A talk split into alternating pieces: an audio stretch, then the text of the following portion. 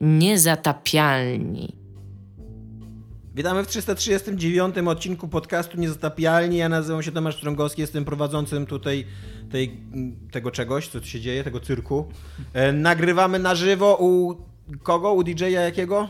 Dominika, cześć. Znaczy Dominik jestem, u DJ-a Dominika. U DJ-a Dominika nagrywamy, a to jest Dominik i mówi cześć. Tak. Cześć. Ma też nazwisko pewnie To jest, to jest coś, co, co wy nie znacie, gdyż nie macie na imię Dominik i nie jesteście mężczyzną. Niektórzy, co nie są mężczyzną z was, niektórzy nie mają na imię Dominik. Oboje, żaden z nas nie spełnia wszystkich warunków bycia Dominikiem, że y, posiadając imię Dominik, y, wyraz często jest się mylonym w komunikacji, w takiej, jak ktoś widzi twoje imię, to bardzo często mi się zdarza, że ktoś pisze pani Dominiko, pani Dominiko, bo w jakiś, w jakikol- w jakiś sposób Dominik Przez odmianę pewnie, tak? W sensie, że... nie wiem, mam, napiszę do kogoś maila, pozdrawiam Dominik Gąska czy coś tam i dostaję odpowiedź pani Dominiko, coś Dobra, tam, coś tam. e, jak pisałam maila do Japonii, jak jechałam pierwszy raz do Japonii, to chciałam się zapytać, czy moja wpłata doszła, czy będę mieć gdzie spać ogólnie. I napisałam takiego maila językiem angielskim, ale na tyle prostym, żeby jak wrzucisz w translate'a, to żeby zawsze jakby z tego zdania wynikło to, o co mi chodziło. I otrzymałam odpowiedź, Mr. Iga, your payment not only error, but success. I to był koniec maila, nie? Ja siedzę i tak nice. A mówiła to do was Iga Ewa Iga Smoleńska. Reprezentuje własne opinie i opinie firmy Więcej Laserów. Polecam nasze usługi. Jesteśmy w jednym pomieszczeniu znowu, ponieważ święta i Iga przyjechała do Elbląga, a ja jestem po prostu w Gdańsku, a Dominik tutaj w ogóle jest od zawsze, więc, tak to się Dominik tu wydarzyło. mieszka, słyszałam. Jestem też po trzeciej dawce szczepionki, więc jestem very Nice. safe to Też be around. trzeciej daw- dawce Ja jeszcze nie jestem po trzeciej dawki. dawce. Dopiero w styczniu mi dadzą trzecią Trzeba go dawkę, strzelić. ale, ale podobno można dziś pójść chyba i tak sobie po prostu z marszu wejść bez rejestracji, nie? Nie Coś wiem, ja się rejestrowałem normalnie. Okej, No to mi dopiero w styczniu dadzą taką możliwość. E, Ja z kolei, e, żeby tutaj dopełnić naszych e, opowiastek o imieniu, chociaż nie będzie ona tak dobra jak twoja Iga, bo twoja jest idealna. No, mam taki problem, że zawsze jak ktoś myli moje imię, znaczy no może nie zawsze, ale tak 95%, jak ktoś myli moje imię, to myli je na Piotrek. Jakby je- jest we mnie coś z Piotrka. Właśnie nie, to nie wyglądasz na Piotrka. No nie wiem, powiedz tu ludziom, którzy mówią do mnie Piotrek. No. A jest ich e, e, dużo w moim życiu. Bo tak, co nie. Jakby to jest. totalnie jak ktoś woła Piotrek, to ja się rozglądam. Ja, się Ja mam jedyny problem, jaki mam, z, je- jest imię Damian, Daniel i Dawid. I super często nawet jak znam tych ludzi mega długo i na przykład to się nazywa Daniel, to zdarza mi się pomylić to imię, bo w moim mózgu w jakiś sposób one są ze sobą sprzężone jako jedno imię. Ale poza tym w życiu nie powiedział, że jesteś Piotrek. Nie zgadzam się z tym. E, spotykamy się tu w drugi dzień świąt, y, ponieważ jakieś urlopy nam wchodzą, więc nagrywamy w drugi dzień świąt. E, I będziemy rozmawiać o świętach, tak ku zaskoczeniu. I końcowo-rocznych Nikogo. w ogóle tych rzeczach. Święta, uuu. I tak, i o koń, końcu Dominikowi roku. święta weszły za mocno Święta w tym roku. super. W końcu roku też będziemy rozmawiać. E, ale zacznijmy może od co jest grane. Dominik, widziałem, że masz Bard Styles e, odpalone jak wchodziłem. Tak. E, dużo Gram. tekstu widziałem w tej grze. Czy tam jest dużo czytania? Nie, nie ma jakoś szczególnie dużo czytania. No są takie normalne dialogi, ale... Ale czytane są całe, czy są? Tak, są normalnie czytane. Yy, tak. A to nie jest Okej, twoje to Styles mamy z głowy. Ale to nie jest twoje pierwsze podejście chyba, co? Bo pamiętam, że moje- robiliśmy nawet z ojej. tego Quick Looka. Robiliśmy to z tego Kikluka. Ja do tej gry podchodziłem tak jak pies dojeżdża ze cztery razy i tak grałem w nią po pół godziny, bo ona jest... Ona robi strasznie złe wrażenie. Bo ona pierwsze wygląda strasznie brzydko, po drugie ma takie wręcz półamatorskie wrażenie sprawia, bo to jest niby gra In Exile, czyli studia należącego do Microsoftu, ale jednocześnie jest to gra... To jest po- Brian Fargo Studio. Jeszcze raz? Brian Fargo Studio. Brian Tak, Fargo. ale ono chyba, gra chyba wyszła zanim jeszcze Gra wyszła zanim i kupił Microsoft i... Póki jeszcze byli amatorami, Mam, więc się mam jeszcze jedną anegdotkę. Jak Brian Fargo był w Polsce i się z nim widziałam, to powiedziałam mu, że w Polsce jego imię i nazwisko czyta się Brian Fargo i mi uwierzył. Tylko tyle. Nie ma nic więcej z tej anegdoty. Yy, I yy, tak, tak. I to przy okazji jeszcze była gra z Kickstartera. Przy okazji jest to rewitalizacja starej serii, która już miała swoją drogą kiedyś rewitalizację w postaci takiego action RPG, w którym się po prostu biegało ludzikiem od góry i klastało potworki. która miała wspólnego z, z tą poprzez klasyczną serią Tale tylko tytuł tak naprawdę i że tam się Bardem grało, a ta czwórka to jest właśnie zrobiona w takim stylu RPGów z lat 70., 80. No może 70. to przesada. Tak, takich dungeon crawlerów Takich trochę, dungeon nie? Widok crawlerów. pierwszy, z pierwszej osoby. Z pierwszej no. osoby, gdzie się jeszcze pochodziło po gridzie. Była Mhm. taka podobna, w podobnym stylu zrobiona gra Legends of Grimrock. Miała nawet dwie części. Z tym, że I Legends była wielkim hitem ta pierwsza, bo Tak. Tak. nagle odkryto, że takie gry istniały i że można je robić znowu i... Jakby Stonekeeper nigdy nie istniał, nie? Mm. Słucham? Już, przepraszam. Była taka gra Stonekeeper. Wiem, że istnieje, to Westwood zrobił. Yy, I sła- słaba ona była, bo ja w to nigdy nie grałem i trochę żałowałem. Znaczy wiesz co, ja w to grałam. Pamiętam, że to były takie ja szkielety fajne, Tak, charakterystyczne. ogólnie to jest tak, animowane. że właśnie ona, on, pamiętam, że ona robi, zrobiła na mnie wrażenie wizualne, jak w nią grałam, ale to było takie, to, to nie jest mój rodzaj gier. Ja w nią grałam, grałam w nią zaskakująco długo, jak na to, jak bardzo mnie odrzuciła gameplayem, ale no nic więcej ci o niej nie powiem. No to ten Bard's Tale oprócz tego, że wygląda tanio i że na początku jest taka sekwencja, gdzie siedzą tam jakieś niziołki, czy, czy kresnale, czy jakieś inne takie stworki, a przed nimi taki brodaty pan gra na lutni i tam opowiada. I to na maksa widać, że to są jacyś, jacyś programiści wyciągnięci tam, zawołani do sali konferencyjnej, którym przyczepiono fałszywe te, sztuczne brody i tam mieli udawać zebranych y, słuchaczy, bo to wygląda super amatorsko, tak y, tanio Ale jak strasznie. porn, Trochę jak scena wycięta z Wiedźmina pierwszego sezonu. Taniej nawet niż... Niż, y, niż jak Wiedźmin. porn, niż Jak- fantasy porn. Trochę jak fantasy porn, takie trochę jest wrażenie właśnie, że to jest taki jest- porn parody. Y, porn parody y, filmu czy serialu fantazy. Dominik, ja w ogóle, jak już jesteśmy przy pornografii, to już ci chciałem ostatnio powiedzieć, że Pornhub opublikował swoje wyniki tam oglądalności i tak dalej. I e, nie wiem, czy ku wielkiemu zaskoczeniu ludzi, którzy korzystają z Pornhuba, ale ku wielkiemu zaskoczeniu mediów głównego nurtu, hentai jest teraz najbardziej popularną kategorią e, Pornhuba na całym świecie, więc totalnie musisz się douczyć z japońszczyzny i musimy zrobić jakiś ten odcinek. Ja, jestem, Bo- ja wciąż jestem za. Iga, jeżeli chodzi o gry, jest e, na bieżąco, a jeżeli chodzi o komiksy, jest na bieżąco, ty musisz po prostu tutaj znaleźć sobie jakieś pole do ekspertyzy. A pól jest wiele, jakby co. Okej, I wejść w to, że się tak wyrażę. dobrze, dobrze. Wezmę ten pewnie krzyż nisze, na które barki. trzeba wypełnić. E, Wezmę to na krzyż. W każdym razie i oprócz tego też ta pierwsza lokacja, ja nie, cały czas jestem tak naprawdę w tej pierwszej lokacji, wy może pamiętacie, bo pierwsza lokacja, na początku jest się trochę w takim mieście, ale tak naprawdę Jakieś właśnie mega dziwne, mega brzydkie miasto. Później się pamiętam, wchodzi pod co ziemię pamiętam i to jest takie podziemne i to wygląda strasznie brzydko, ciemno i jak w dupie. I jak I są czytałem- ocal totemy. I są ocal, niestety już nie ma ocal totemów. Eee, Safe totem był przetłumaczony na ocal totem. Na ocal totem, tak. Co, ocal totem. co było piękne, ale niestety już to poprawili. Natomiast to nie znaczy, że tłumaczenie jest dobre. Ja się przełączyłem na angielski, bo wciąż jest bardzo kiepskie. Eee, I ma takie szkolne błędy ortograficzne, typu, nie wiem, nieprawda napisane osobno, czy coś takiego, nie? Eee, takie, wiesz, no... Na, na tym poziomie wręcz y, błędy redaktorskie, nie? Jak Może to jest po prostu gra, która jest porno, tylko nie ma tam porno? Trochę takie, takie, takie trochę Jak jesteśmy przy tłumaczeniach, to ja trochę w Bard's Tale ostatnio gram na Switchu i też jest bardzo kiepskie polskie Bard's tłumaczenie. B- Nie Bard's Tale, przepraszam. No Nie właśnie Leciło mi się twoje. Banner Saga. A, okej. Ale podobnie jakby z Tak, generatora też pamiętam. tytułów tytuł. Też pamiętam, że, że w to grałem trochę i że to też się przełączałem, bo to polskie tłumaczenie też właśnie było takie kurne, no takie... A przy okazji to nie jest, nie jest gra jakoś super dobrze napisana po angielsku, więc to jest takie, że tak, e, po której stronie stanąć tutaj?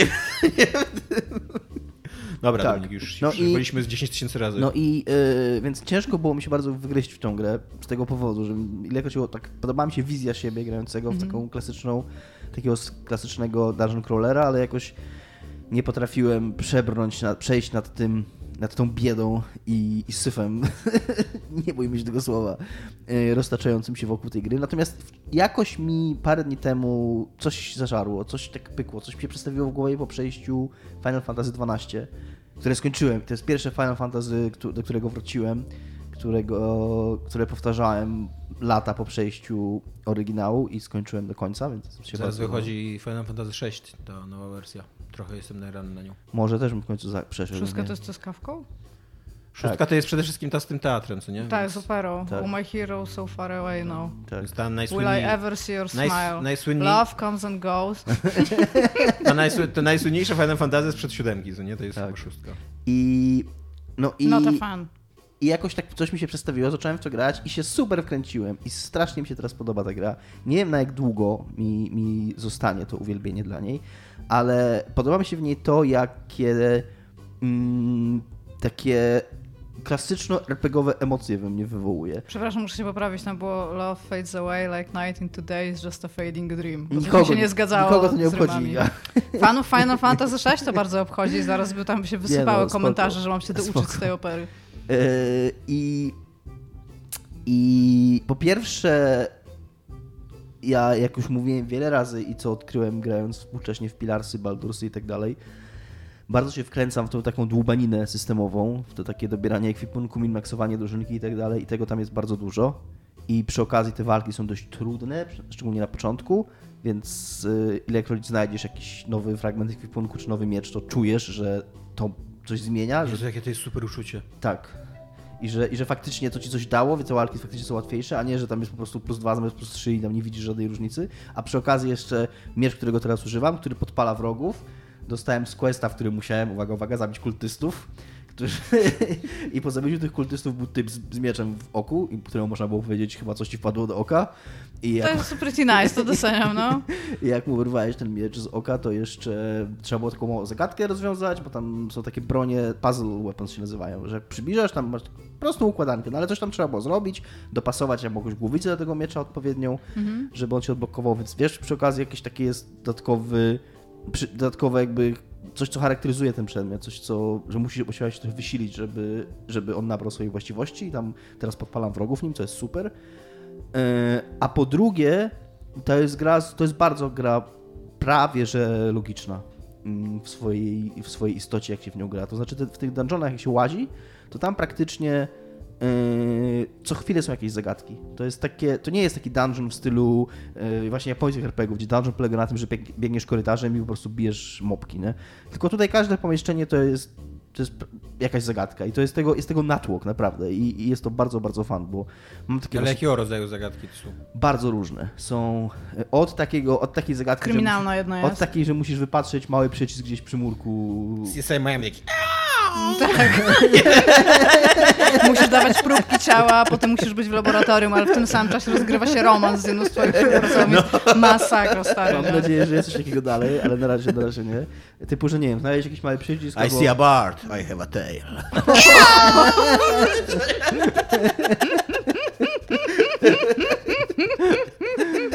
e, przez takie przesuwanie takich kamiennych bloków po... e, Prze, e, przesuwanie bloków po ziemi tam, żeby na jakichś tam zap- zapadkach te bloki się ustawiły i coś tam pootwierały. E, jakieś takie, nie wiem, przekręcanie jakichś symboli, że musisz znaleźć... Takie totalnie w starym stylu, jak Totalnie w starym- Nie wiem, czy pamiętasz, ale God of War kiedyś był taką grą logiczną. Legend of Zelda też było taką grą To totalnie, nie, nie, nie pamię- pamiętacie, że w God, of War, w God of Warze trzeba było rozwiązywać takie właśnie proste zagadki, no z stylu to- przestawianie rzeczy, żeby przejść dalej i tak dalej? Ja No. ogólnie pamiętam, że God of War był kiedyś bardzo fajną grą. Były bardzo fajną grą, to prawda. Kiedyś, kiedyś to w ogóle był dosyć taki e, popularny element designu, żeby wwalić gdziekolwiek zagadkę Tak. logiczną. No i tam jest, i tej grze jest tego pełno. I nawet wr- wręcz w pewnym momencie, która musiałem sudoku rozwiązywać praktycznie. Tam trochę, Ten praktykant z Japonii. Tam, nie? Kobayashi, zrobisz questa. Kobayashi Maru zrobił. Sudoku. Yy, I, I naprawdę jest to fan. Mam takie wrażenie, że coś się dzieje w tym dungeonie, że to nie jest takie, że ja idę po sznurku yy, korytarzem i, i napierdzielam stworki. Tam jedyne wyzwanie w japońskim RPG w dungeonie to jest jakieś rozwidlenie, Tak. to żeby pójść tam, gdzie jest ślepy zaułek najpierw, Tak. bo tam będzie jakiś skarb, Tak. się cofnąć i pójść tam, się masz iść dalej, a jak rozpoznasz, że, że ten... Tak, a jak za długo idziesz przed siebie, to znaczy, że musisz wrócić musisz i wejść do wrócić, ciebie. wejść. Ten ślepy zaułek, bo tam coś jest na ciebie. Tak, dokładnie, to jest, to jest cały... Nawet jeżeli potwór, to jakiś potwór za dużo ekspas. Tak, dokładnie, i to jest wszystko, co Albo się... jakiś przedmiot, ale ten przedmiot nie jest wymodelowany, tylko jest jakimś świecącym się czymś, jak go podnosisz, to widzisz, a dobra, tego potrzebowałem. I to jest wszystko, co się robi w dungeonach w, w japońskich RPG.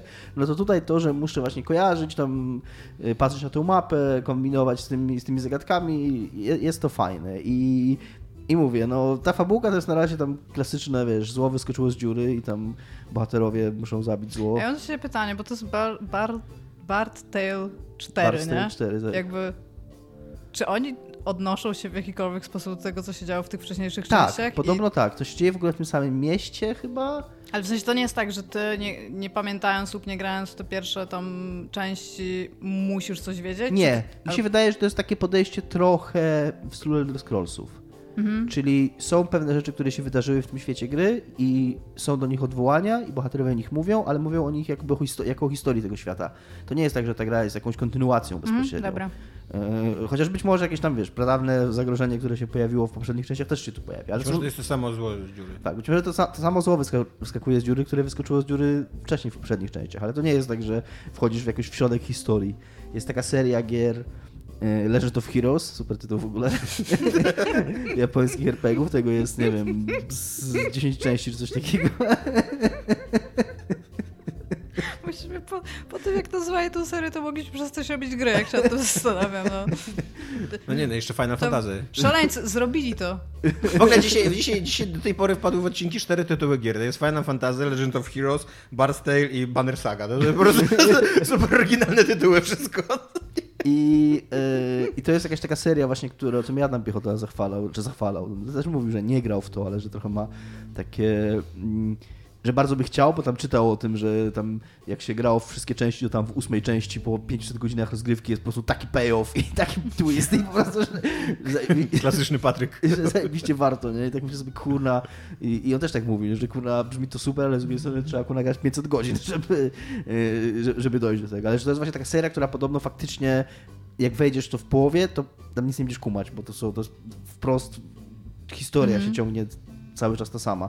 No to tutaj tak nie ma, tu jest tam zupełnie nowa historia i nie jest to skomplikowana historia, ale No taki dungeon crawling i takie właśnie rozwijanie sobie drużynki, dobieranie tego, dobieranie tego, ekwipunku, tego ekwipunku i tych skilli i patrzenie jak tam sobie Ile masz poradzę z godzin tym. już w tym? Słucham? Ile masz godzin już w tym? Nie wiem, trudno mi powiedzieć, z 10, I 15? myślisz, że tym razem przejdziesz? Wątpię, żebym to przeszedł. Chociaż z drugiej strony słyszałem, że to nie jest super długa gra. E, Z jednej strony, z drugiej strony nie wyszedłem jeszcze z pierwszego dungeona, więc takiego pierwszego większego, no, Mhm, okej, powiedzmy, do którego się wchodzi, więc nie wiem, czy to przejdę. Ale przeszedłem ostatnio Final Fantasy XII, więc jestem może teraz w trybie przechodzenia gier nagle. Trzymam Ale kciuki, żeby to Jeszcze było raz. e, właśnie jeszcze się nie napaję, dopiero jedną grę przyszedłeś z ostatnich 50, które odpaliłeś. Swoją drogą... Ponieważ Dominik ostatnio również, e, o czym pewnie niechętnie by powiedział na antenie, ale ostatnio odpalił również Persona 5 Royal. ale pogadałem w nią pół godziny. Yy, Wemo lepsze. bo mam. Yy, On jest. Bo owsiany zostawił. Znaczy dał mi, dał mi dostęp do swojego. I do swojej gry i. Mm, no za, za wcześnie chyba jeszcze. Tam grałem rok temu wprawdzie, ale tak jak pisałem też owsianemu, że ja trochę mam problem z wkręceniem się w Personę 5 teraz. I to jest taki sam problem, jak miałem z wkręceniem się w Personę 5, kiedy- grałem w nią po raz pierwszy. To jest gra, w której autentycznie przez pierwsze na 5 godzin się nie robi nic. Poza naciskaniem X, a przez kolejne 5 się robi niewiele więcej. Tak, no właśnie, bo tam to też chciałem dodać. Przez pierwsze 5 godzin to jest tylko X, a później jeszcze tam naciskasz A i X. Powiedzmy. Jakby ta gra bardzo powoli, bardzo dużo czasu jej zajmuje otwarcie się, tak żeby, żeby, człowiek, żeby człowiek miał wrażenie, że faktycznie dokonuje jakichś wyborów. Nawet nie A do, tego, a do tego to jest jeszcze taka gra, że nawet tam po 30 godzinach nagle odkrywasz e, no, no, nowy feature i tam jeszcze ci wchodzi dwie godziny tam, znaczy no dwie godziny to nie, ale godzina e, tutoriala na temat tego nowego feature'a, nie, bo tam możesz w restauracji wiesz, zamawiać i- nagle koktajl, co nie? Tak, i to jest takie kurde, i to jest takie tak słabe w tej grze, mm, że nawet kurde wiesz, idziesz do szkoły tego pierwszego dnia, nie? I tam jest, powiedzmy, później w trakcie gry można kupować losy na loterię i tam wygrać, nie? Kurde nawet tego pieprzonego losu na loterię nie można kupić, bo bohater mówi, nie, nie, muszę iść do szkoły, bo się spóźnię do szkoły, kurde, jebanego, przepraszam, za losu nie może kupić. No, tak jakby nic, jakby masz takie wrażenie, Tak. że masz iść konkretnie, kurde, klapki na oczy i iść dokładnie tam, gdzie ci kazali. Ja nie mówię, żeby nagle, kurna, mi się gra zupełnie otwierała, że mógł robić wszystko, ale żebym chociaż, kurna, mógł wejść do tego sklepiku i, nie wiem, wejść w jakąś interakcję, która, nie, która jest czymś innym niż ta ścieżka, którą wytyczono przede mną, ale nie. I to jest, rozumiem, unskippable tutorial. to jest Zupełnie tak. To Znaczy, jest- no możesz wyłączyć grę. Tomek. Tomek Ja tak zrobiłem. Ja po 15 godzinach, mi- mimo że Dominik mówił, że to już jest koniec tego tutoriala, bo przyszedłem cały pierwszy zamek, ale to stwierdziłem, że nie, że tam wystarczy mi. Tomek zastosował tę metodę, tak, skutecznie ominął. I tak, bo to jest w ogóle Persona robi taką rzecz, że y, ona nie jest, to nie jest taki klasyczny open world, ale ma duży, bogaty świat, co nie? I totalnie ty w ogóle go nie doświadczasz na początku. Właśnie to, to, co jest najpiękniejsze w dużych, otwartych światach, że właśnie, że możesz tak w, wskoczyć w grę jak w, do basenu i, i zachwycić się i na, na początku w ogóle nic nie robić, tylko rozbijać się samochodami, strzelać i tak dalej. To persona, to persona totalnie tego nie robi. Co, co jest, wiemy, pamiętamy nasze wycieczki na baseny. Dokładnie, dokładnie to się robi, tam rozbija samochodami i tak dalej. I strzela do ludzi. No. To jest świat przed pandemią. Jak był w super. basenie. Ale tak. No. Dużo mi ofiar dziennie, co nie? Więc, więc y, raczej nie będę grał w tą personę, chociaż różnie to bywa, no może mi coś walnie w łeb i będę grał w personę. Graj w tego Bard's Tale, bo ja chcę wiedzieć, jak się kończy. Okej. Czy będziesz tak totalnie nie mogę się doczekać Bard's Tale, Bard's Tale 5. Z jakiegoś powodu nie potrafię powiedzieć nazwy tej gry. Nie, naprawdę jest to... Jest coś takiego mm, komfortowego. Właśnie powiedz mi, y, czy ona jest, y, jak to się mówiło za dawnych czasów, miodna dzisiaj? E, czy to jest, wiesz, to, miodność w skali 1 do 100, czy żeby to nie jest, było czy to trudno. jest stara gra, w którą się topornie gra, czy to jest stara Nie, gra, jest- w którą, która jest unowocześniona Jest- designowo i się Jest dosyć unowocześniona, to znaczy poruszasz się normalnie w 3D i normalnie się rozglądasz, nie chodzisz po gridzie. Znaczy dla hardcore'owców jest taka opcja, można sobie włączyć opcję. że- Właśnie tak chciałem powiedzieć herezja, bo Ale możesz normalnie chodzić, rozglądać się. Jest taka raczej, jeżeli chodzi o design, wydaje mi się, że jest w miarę nowoczesna, pomijając toporność i, i, i biedę graficzno-dźwiękową. Znaczy, no muzyczka jest ładna. Walka też jest fajna, bo się na takim na takiej szachownicy jakby toczy. A to jest To- taka walka, że tam musisz właśnie wziąć mieczyk z ekwipunku i rzucić go na, wiesz, No na... właśnie nie. No właśnie na szczęście nie. To Tak jest, jak kiedyś było, co nie? Tak, tak, było.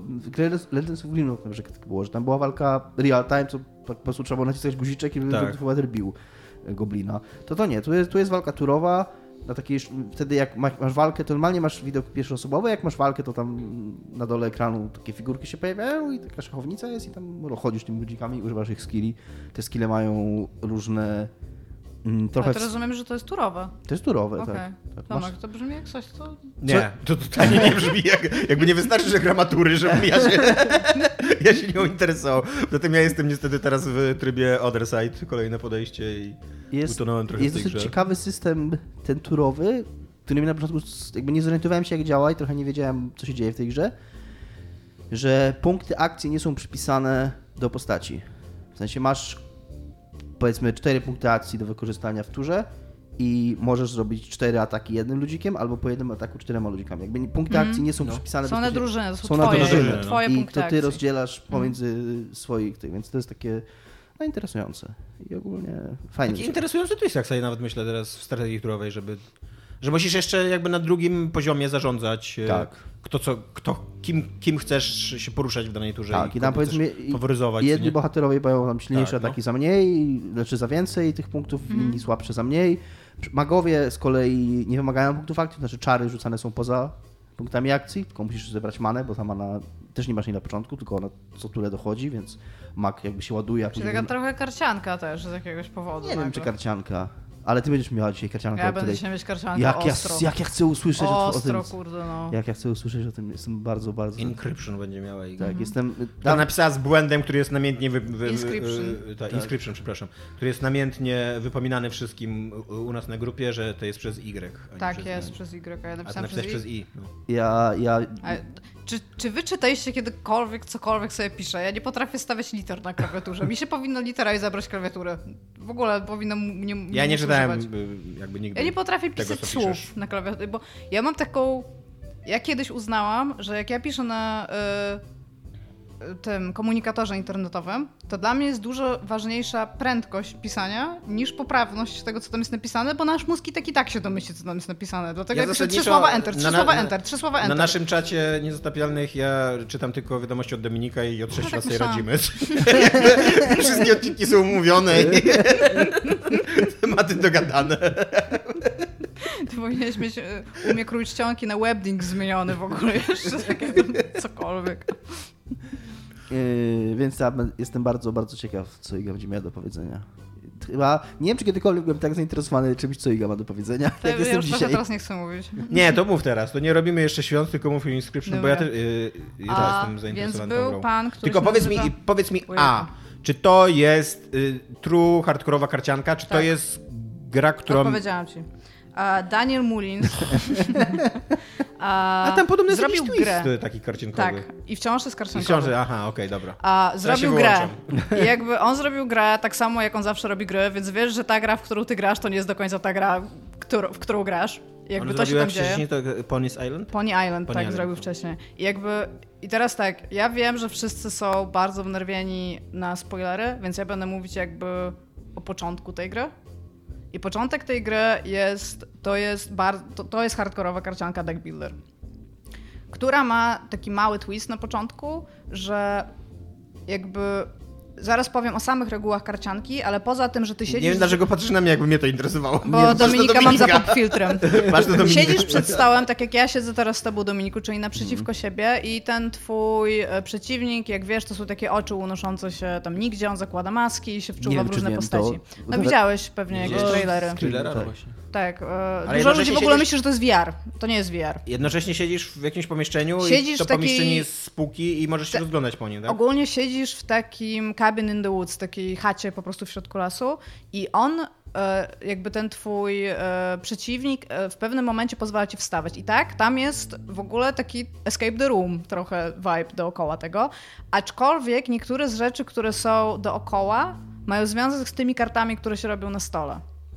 I na przykład, jeżeli coś się stanie jakiejś karcie na stole, to nagle jest jakiś dźwięk z pomieszczenia i musisz zobaczyć, co się stało. Plus niektóre karty możesz pozyskiwać tylko z tego pomieszczenia. I one wtedy wchodzą Bo te do karty rastera. przedstawiają jakieś żyjątka. Tak.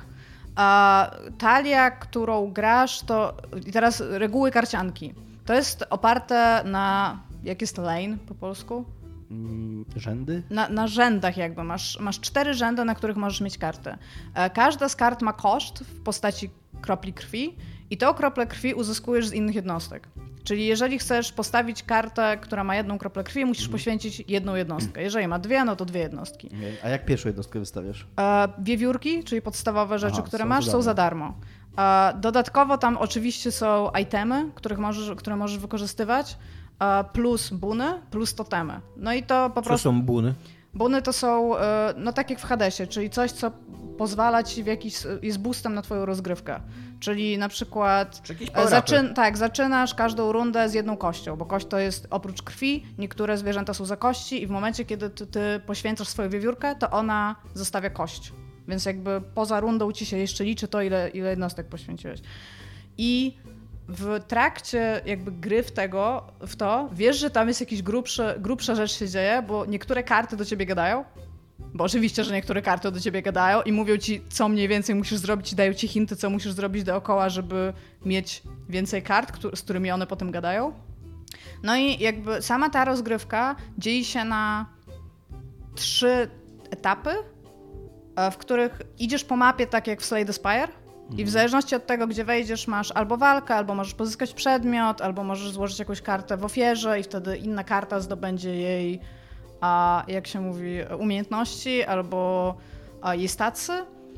No i tak e, jakby idąc po kolei sobie budujesz tego deka, no i, so, i są bossowie, tak? I jakby ja dzisiaj, ja, ja, w nią, ja zaczęłam w nią grać wczoraj wieczorem e, i doszłam do drugiego bossa. Dzisiaj rano przeszłam tego drugiego bossa, już miałam strasznie taki OP deck. W sensie, że już wiedziałam, że ja już nawet nie muszę dociągać kart, po prostu miałam taką konfigurację, że ona się sama napędzała, kurde, po każdej wiewiórce, którą położyłam i jak zaczęłam od pierwszej, to już jakby to już szło jakby bardzo szybko. A, więc stwierdziłam, dobra, jakby zobaczę, jak daleko mogę przejść przed tym nagraniem. No i tak sobie usiadłam i stwierdziłam, o, przeszłam. I totalnie jej nie przeszłam. I nie byłam w ogóle gotowa na to, co jest dalej. I jakby nic więcej nie powiem, co tam jest, ale tam jest, tam jest dużo więcej, dużo bardziej, dużo różnej gry, ale to jest wciąż karcianka, Tomek. Od razu ci powiem, to jest wciąż karcianka. Uważam tak, natomiast, tak jak że... że ludzie piszą, że ona mm, bawi się trochę w ogóle koncepcją karcianki Tak. i tym, czym jest karcianka, no ale wciąż jest to... Wciąż jest karcianka, wciąż karcianki. polega na mniej więcej tych samych rzeczach, ale tam się po prostu dzieją rzeczy i to się dzieją dziwne rzeczy, tak jak on zawsze ma dziwne No, rzeczy. ona ma bardzo fajny taki strasznowy klimacik. Tak, ale i właśnie, i to jest tak, w nią się bardzo fajnie gra, te, te zasady są bardzo okej, ale gra, grając w nią siedział ze mną Tomek, trzy, i e, patrzył się i prze, dałam mu, żeby kilka rund poklikał, bo dużo łatwiej jest skumać zasady, jak sam klikasz, nie? I on powiedział, że on by mógł w to pograć, ale on ma taki problem z nią, bo ona nie jest snappy. I ona niestety nie jest snappy. Nie, jest, nie ma czegoś takiego jak w Stay the Spire albo w Meteor Fall na przykład, albo nawet w Slay Monster to- Train. W Slay the Spire zajebiste było to, że tam jak y, pewnym momencie, jak już się miało opanowane, to się prawie jak gra akcji grało. Tak, to było takie tyk, tyk, tyk, bijatyką, tyk, tyk, tyk, tyk, tyk, tyk, tyk, no. Pługać tymi kartami tak szybko, jak tylko animacja ci pozwalała. tak, tak, animacje tak. pozwalały ci bardzo szybko to robić. I właśnie i tam jest taki problem, że między innymi e, jakby ta narracja tam jest ważna, więc dobrze, że oni dużo gadają, ale dosyć dużo tam gadają, więc na przykład ty chcesz położyć kartę i wygrać rundę, ale jakby ta narracja stoi ci trochę na przekór. A plus te rzeczy, które się dzieją jakby pomiędzy tym, kiedy się, się, rozgrywa karty, też są dosyć długie i ja miałam taki problem, bo na przykład, y, to Dominik, ty pewnie będziesz wiedział, jakie to jest uczucie. Jak e, już na przykład bardzo, już pierwszego bossa przechodzisz w pewnym momencie, tak, bo to jest też taki trochę roguelite'owy rzecz, że w pewnym momencie po prostu masz już taki base deck, że już szybko, już dużo szybciej przechodzisz rzeczy, nie? I przechodzisz tego pierwszego bossa tak już z palcem w nosie, tego drugiego też w sumie zaczynasz przechodzić, no i tam gdzieś przy tym trzecim zaczynasz umierać i już się zaczynasz robić taki niecierpliwy i popełniasz błędy. Ja wczoraj tak już grałam wieczorem, że szło mi już bardzo dobrze do drugiego bossa i tak stwierdziłam, dobra, mam tego trochę dość, właśnie dlatego, że ta gra nie jest snappy i nie daje mi szybko wracać do gry. A po drugie właśnie, że robię błędy. A dzisiaj rano tak usiadłam i tak stwierdziłam, zrobię to tak na spokojnie tam i po prostu tak poszło to, nie? Do przodu. I jakby to, co się dzieje po tej pierwszej, że tak powiem, części tej gry, tak naprawdę jest dużo bardziej snappy, ale jest dużo bardziej skomplikowane. I tam już trzeba Okej. naprawdę, kurde, zacząć myśleć, szczególnie, że wchodzi bardzo dużo innych zasad, jakby gry. No, jestem, jestem akurat nakręcony na tą grę i... Jest mega fajną rzeczą, Polygon najlepszą grą roku. to Właśnie było. i ja po prostu, Wow. po tym jak rozmawialiśmy o nagrodach w, VGA, to ja usiadłam i zaczęłam się zastanawiać, że nie byłabym totalnie zła, jak ona by dostała najlepszą grę nie- niezależną, tylko i wyłącznie dlatego, że jest mega eksperymentalna, jak zawsze jego gry. I naprawdę zrobił coś super cool. Napra- naprawdę są takie momenty, że siedzisz i sobie myślisz, wow, takie siedzisz i "O, ale spoko, nie? I Kurde. właśnie to, co było w Pani Island, tak mniej więcej, nie? Że takie, takie mądre rzeczy, typu, że tam było, że niektóre rzeczy musisz wejść do meni, żeby coś znaleźć i to jest zupełnie normalne, w sensie totalnie na to wpadasz, ale i tak i tak czujesz się jak geniusz, plus to jest super fajne, że coś takiego można było zrobić i tu jest tak samo. Czyli Więc możesz zna- znaleźć rzeczy w menu. tam nie ma, nie ma akurat nic, nic z takich rzeczy, ale jest jedna bardzo fajna rzecz, która się dzieje w menu. To nie jest zagadka, niestety, ale jest takie, że nagle siedzisz i a, to dlatego. I takie, no naprawdę bardzo, bardzo, bardzo polecam. Wydaje mi się, że jest tam bardzo bliska przejścia całości, aczkolwiek zupełnie się nie zdziwię, jak nagle to będzie jeszcze jedna gra, nie? Jakby będę, okej, teraz robimy to i, i pójdziemy Ja- dalej. I też przy okazji fajne jest to, że mm, to się trochę stał gatunek gier nagle, te takie klony Slay the Spire, nawet nie mówię karcianki, tylko takie roguelike karcianki, obudowanie deków, Mhm. które są na bazie Slay the Spire zrobione, że, że to już jest na tyle rozpoznawalne jako gatunek, że właśnie to jest fajny moment, żeby zrobić coś takiego, co trochę jakby w- Wykoleja. wykoleja tą, tą tak jakby właśnie, coś jakoś tam No tak, w sensie bierze coś, co jest już na tyle znane, że ma swój twist na tym, Tak, ale też tak. przy okazji... Że już było na tyle dużo tych gier, że, Tak, że- że już możesz masz jakieś dalej coś z tym zrobić, Masz, masz tak. jakieś, czegoś, co się spodziewasz po tej grze, a, a- ona robi coś interesującego z tym, no to to jest super. Tak, i mówię, Dominik, tobie się, ty lubisz kombinować w systemach, więc e, po pierwsze dla ciebie będzie bardzo fajne zrobienie tej pierwszej jakby części, ale już będziesz potem, like, dobra, jakby zmasterowałem to, to on ci właśnie potem daje, otwiera ci tak z cztery razy więcej możliwości. I to matematycznie cztery razy, nawet nie like, tylko cztery razy więcej możliwości nagle masz robienia rzeczy. Więc- Tęsknię trochę za Monster Train. Tak. Pomyślałem sobie, z jakiegoś powodu, po tym wszystkim, co teraz opowiedziałaś, to bardzo chcę zagrać w Inscription, ale Ale ja wiecie sobie, bo ja mam, ja mam To jeden jest taki Inscription czy Encryption? Inscription. Inscription. Tylko, że ja mam taki, mam jeden problem z tym i to może wy mi powiecie o co chodzi, bo ja nie czytałam dużo o tej grze, bo po prostu jak on ją zapowiedział, to ja wiedziałam, że to jest e, coś, w co ja zagram, bo lubię jego gry plus Devolver i tam jakby Stop My Penis Can Only Get So Erect, tam dajecie to. I bardzo dużo ludzi mi potem pisało, że e, no, no to jak pograsz, to opowiedz mi jak ci szło, bo każdy ma tam jakąś swoją historię i jakby ja tego nie widzę. No to może jeszcze zauważysz. Może to jest jeszcze coś. Ale to są ludzie, którzy jakby byli w trakcie tego, kiedy mi to pisali, byli wcześniej niż ja. W tym, jak ja teraz bardzo gram. ciężko znam odpowiedzieć na to pytanie. No to, Ale nie, z bo, myśla... bo myślałam, że może coś o niej więcej czytaliście i Nie, na przykład nie, nie. jest coś ten, bo... I pierwszy raz coś takiego słyszę, że, że tam jest jakiś No to właśnie nie, ona jest jakby, ona, no to jest tak jak ponianie, to jest liniowa gra, tak? Jesteś tam, robisz tam meta rzeczy jakby, ale no wciąż trafiasz z tego samego miejsca do tego samego miejsca. Tam, nie wiem, może zaraz rzeczywiście coś tam się stanie, no ale chciałam powiedzieć, że nie widzę tego, ale z drugiej strony, czy widziałam, że nagle będzie to, co teraz się dzieje? Nie, nie, nie wiedziałam, po prostu tak, fajnie, fajnie jest, jak gra cię zabiera na taką podróż i jeszcze, kurde, cię zaskakuje, ale nie tak na zasadzie takim jakimś, że zabiera ci teraz jakąś zdolność, bo zaprojektowali ten dungeon pod to, że nie możesz się bić, tylko możesz skakać, tylko po prostu, to teraz robimy to. Jest Czy ta gra jest fan. straszna? Ona jest tak, jak powiedział Tomek, ona ma taki, ona ma taki vibe... Uh, nie wiem, Takie środkowych Stanów Zjednoczonych. Taki... Takich, wiesz, tam jest, jest taki dzi dziwny dom w środku lasu i tam jest jakiś prospektor. A to wszystko jest, takie... takie kartunowe i takie przerysowane a, i, a gra, i od początku i tam... jakby wiesz, jaki jest klimat Ta, i gra jest po prostu tak ślicznie udźwiękowiona, bo tam mega dużo rzeczy polega na kładzeniu kart, na tym, mm. że jak, jak coś położysz, to na przykład przeskakuje jakieś szkło, które jest obok, albo że coś jest z drewna, i za to w ogóle, moim zdaniem, za sound design ta gra powinna dostać tam ja niestety trzy nagrody. Nie? Wiem, za co ta gra nie powinna dostać nic i powinni twórcy pójść do więzienia, bo sprawdzałem to, jak gadałeś i niestety nie ma wsparcia dla pada. Ja gram na touchpadzie Chcę tylko to powiedzieć, ja nawet nie gram na myszce, to a propos tego, jak bardzo mało się... Mam myszkę, litera jej leży koło laptopa. Ty, ty nie, chcę, nie chcę jej nawet podłączyć, bo musiałam otworzyć tę myszkę i wziąć tego dongla USB, wsadzić, żeby ten... I ja po prostu stwierdziłam, nie mam na to czasu, życie mi tak. ucieka i gram na touchpadzie. szczurem, który gra na śmieciach, no jakby. No trochę tak, gdyby, no. Gdyby była na Maca... Ja tak naprawdę nawet nie, nie jestem osobą, ja jestem po prostu bandą szczurów ubraną w ubrania. Gdyby była na Maca, to bym już pewnie kupił przez te święta, choćby siedząc u rodziców, nie, i żeby sobie tam pograć na laptopie, ale niestety nie ma na Maca. Ja ją kupiłam właśnie w tej promocji na Epiku, gdzie, gdzie dawali ci y, kupon 40 zł i ona tak, już była tak, w przecenie, no więc wiem. za 24 zł tam i... Wiem, tylko że jak ją kupię na PC, to będę musiał grać myszką na kanapie i to jest takie... No... Masz grać na touchpadzie. Słucham? Kup sobie touchpada i graj na touchpadzie.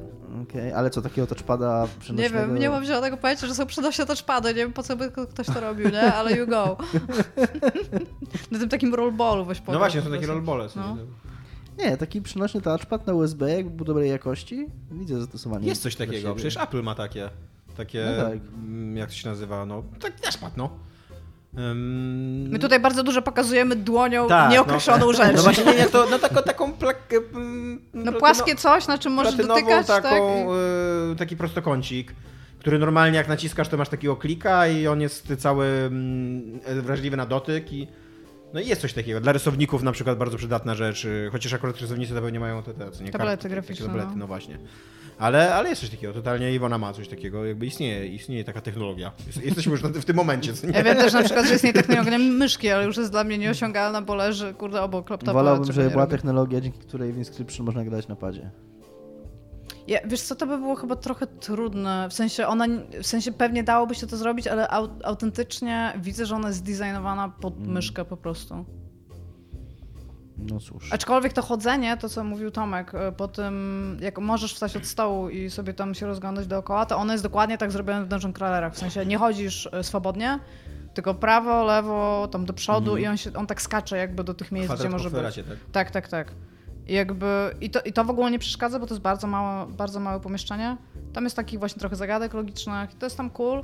E, jako, że gram na Epiku i jeszcze gram offline, bo przecież też nawet nie podłączyłam komputera do Wi-Fi, bo po co, e, to ten, to nie ma achievementów i to jest strasznie dziwne dla mnie, bo jak gram na PC, to te Steamowe achievementy wyskakują tam co 5 minut ostatnio po prostu z czegoś.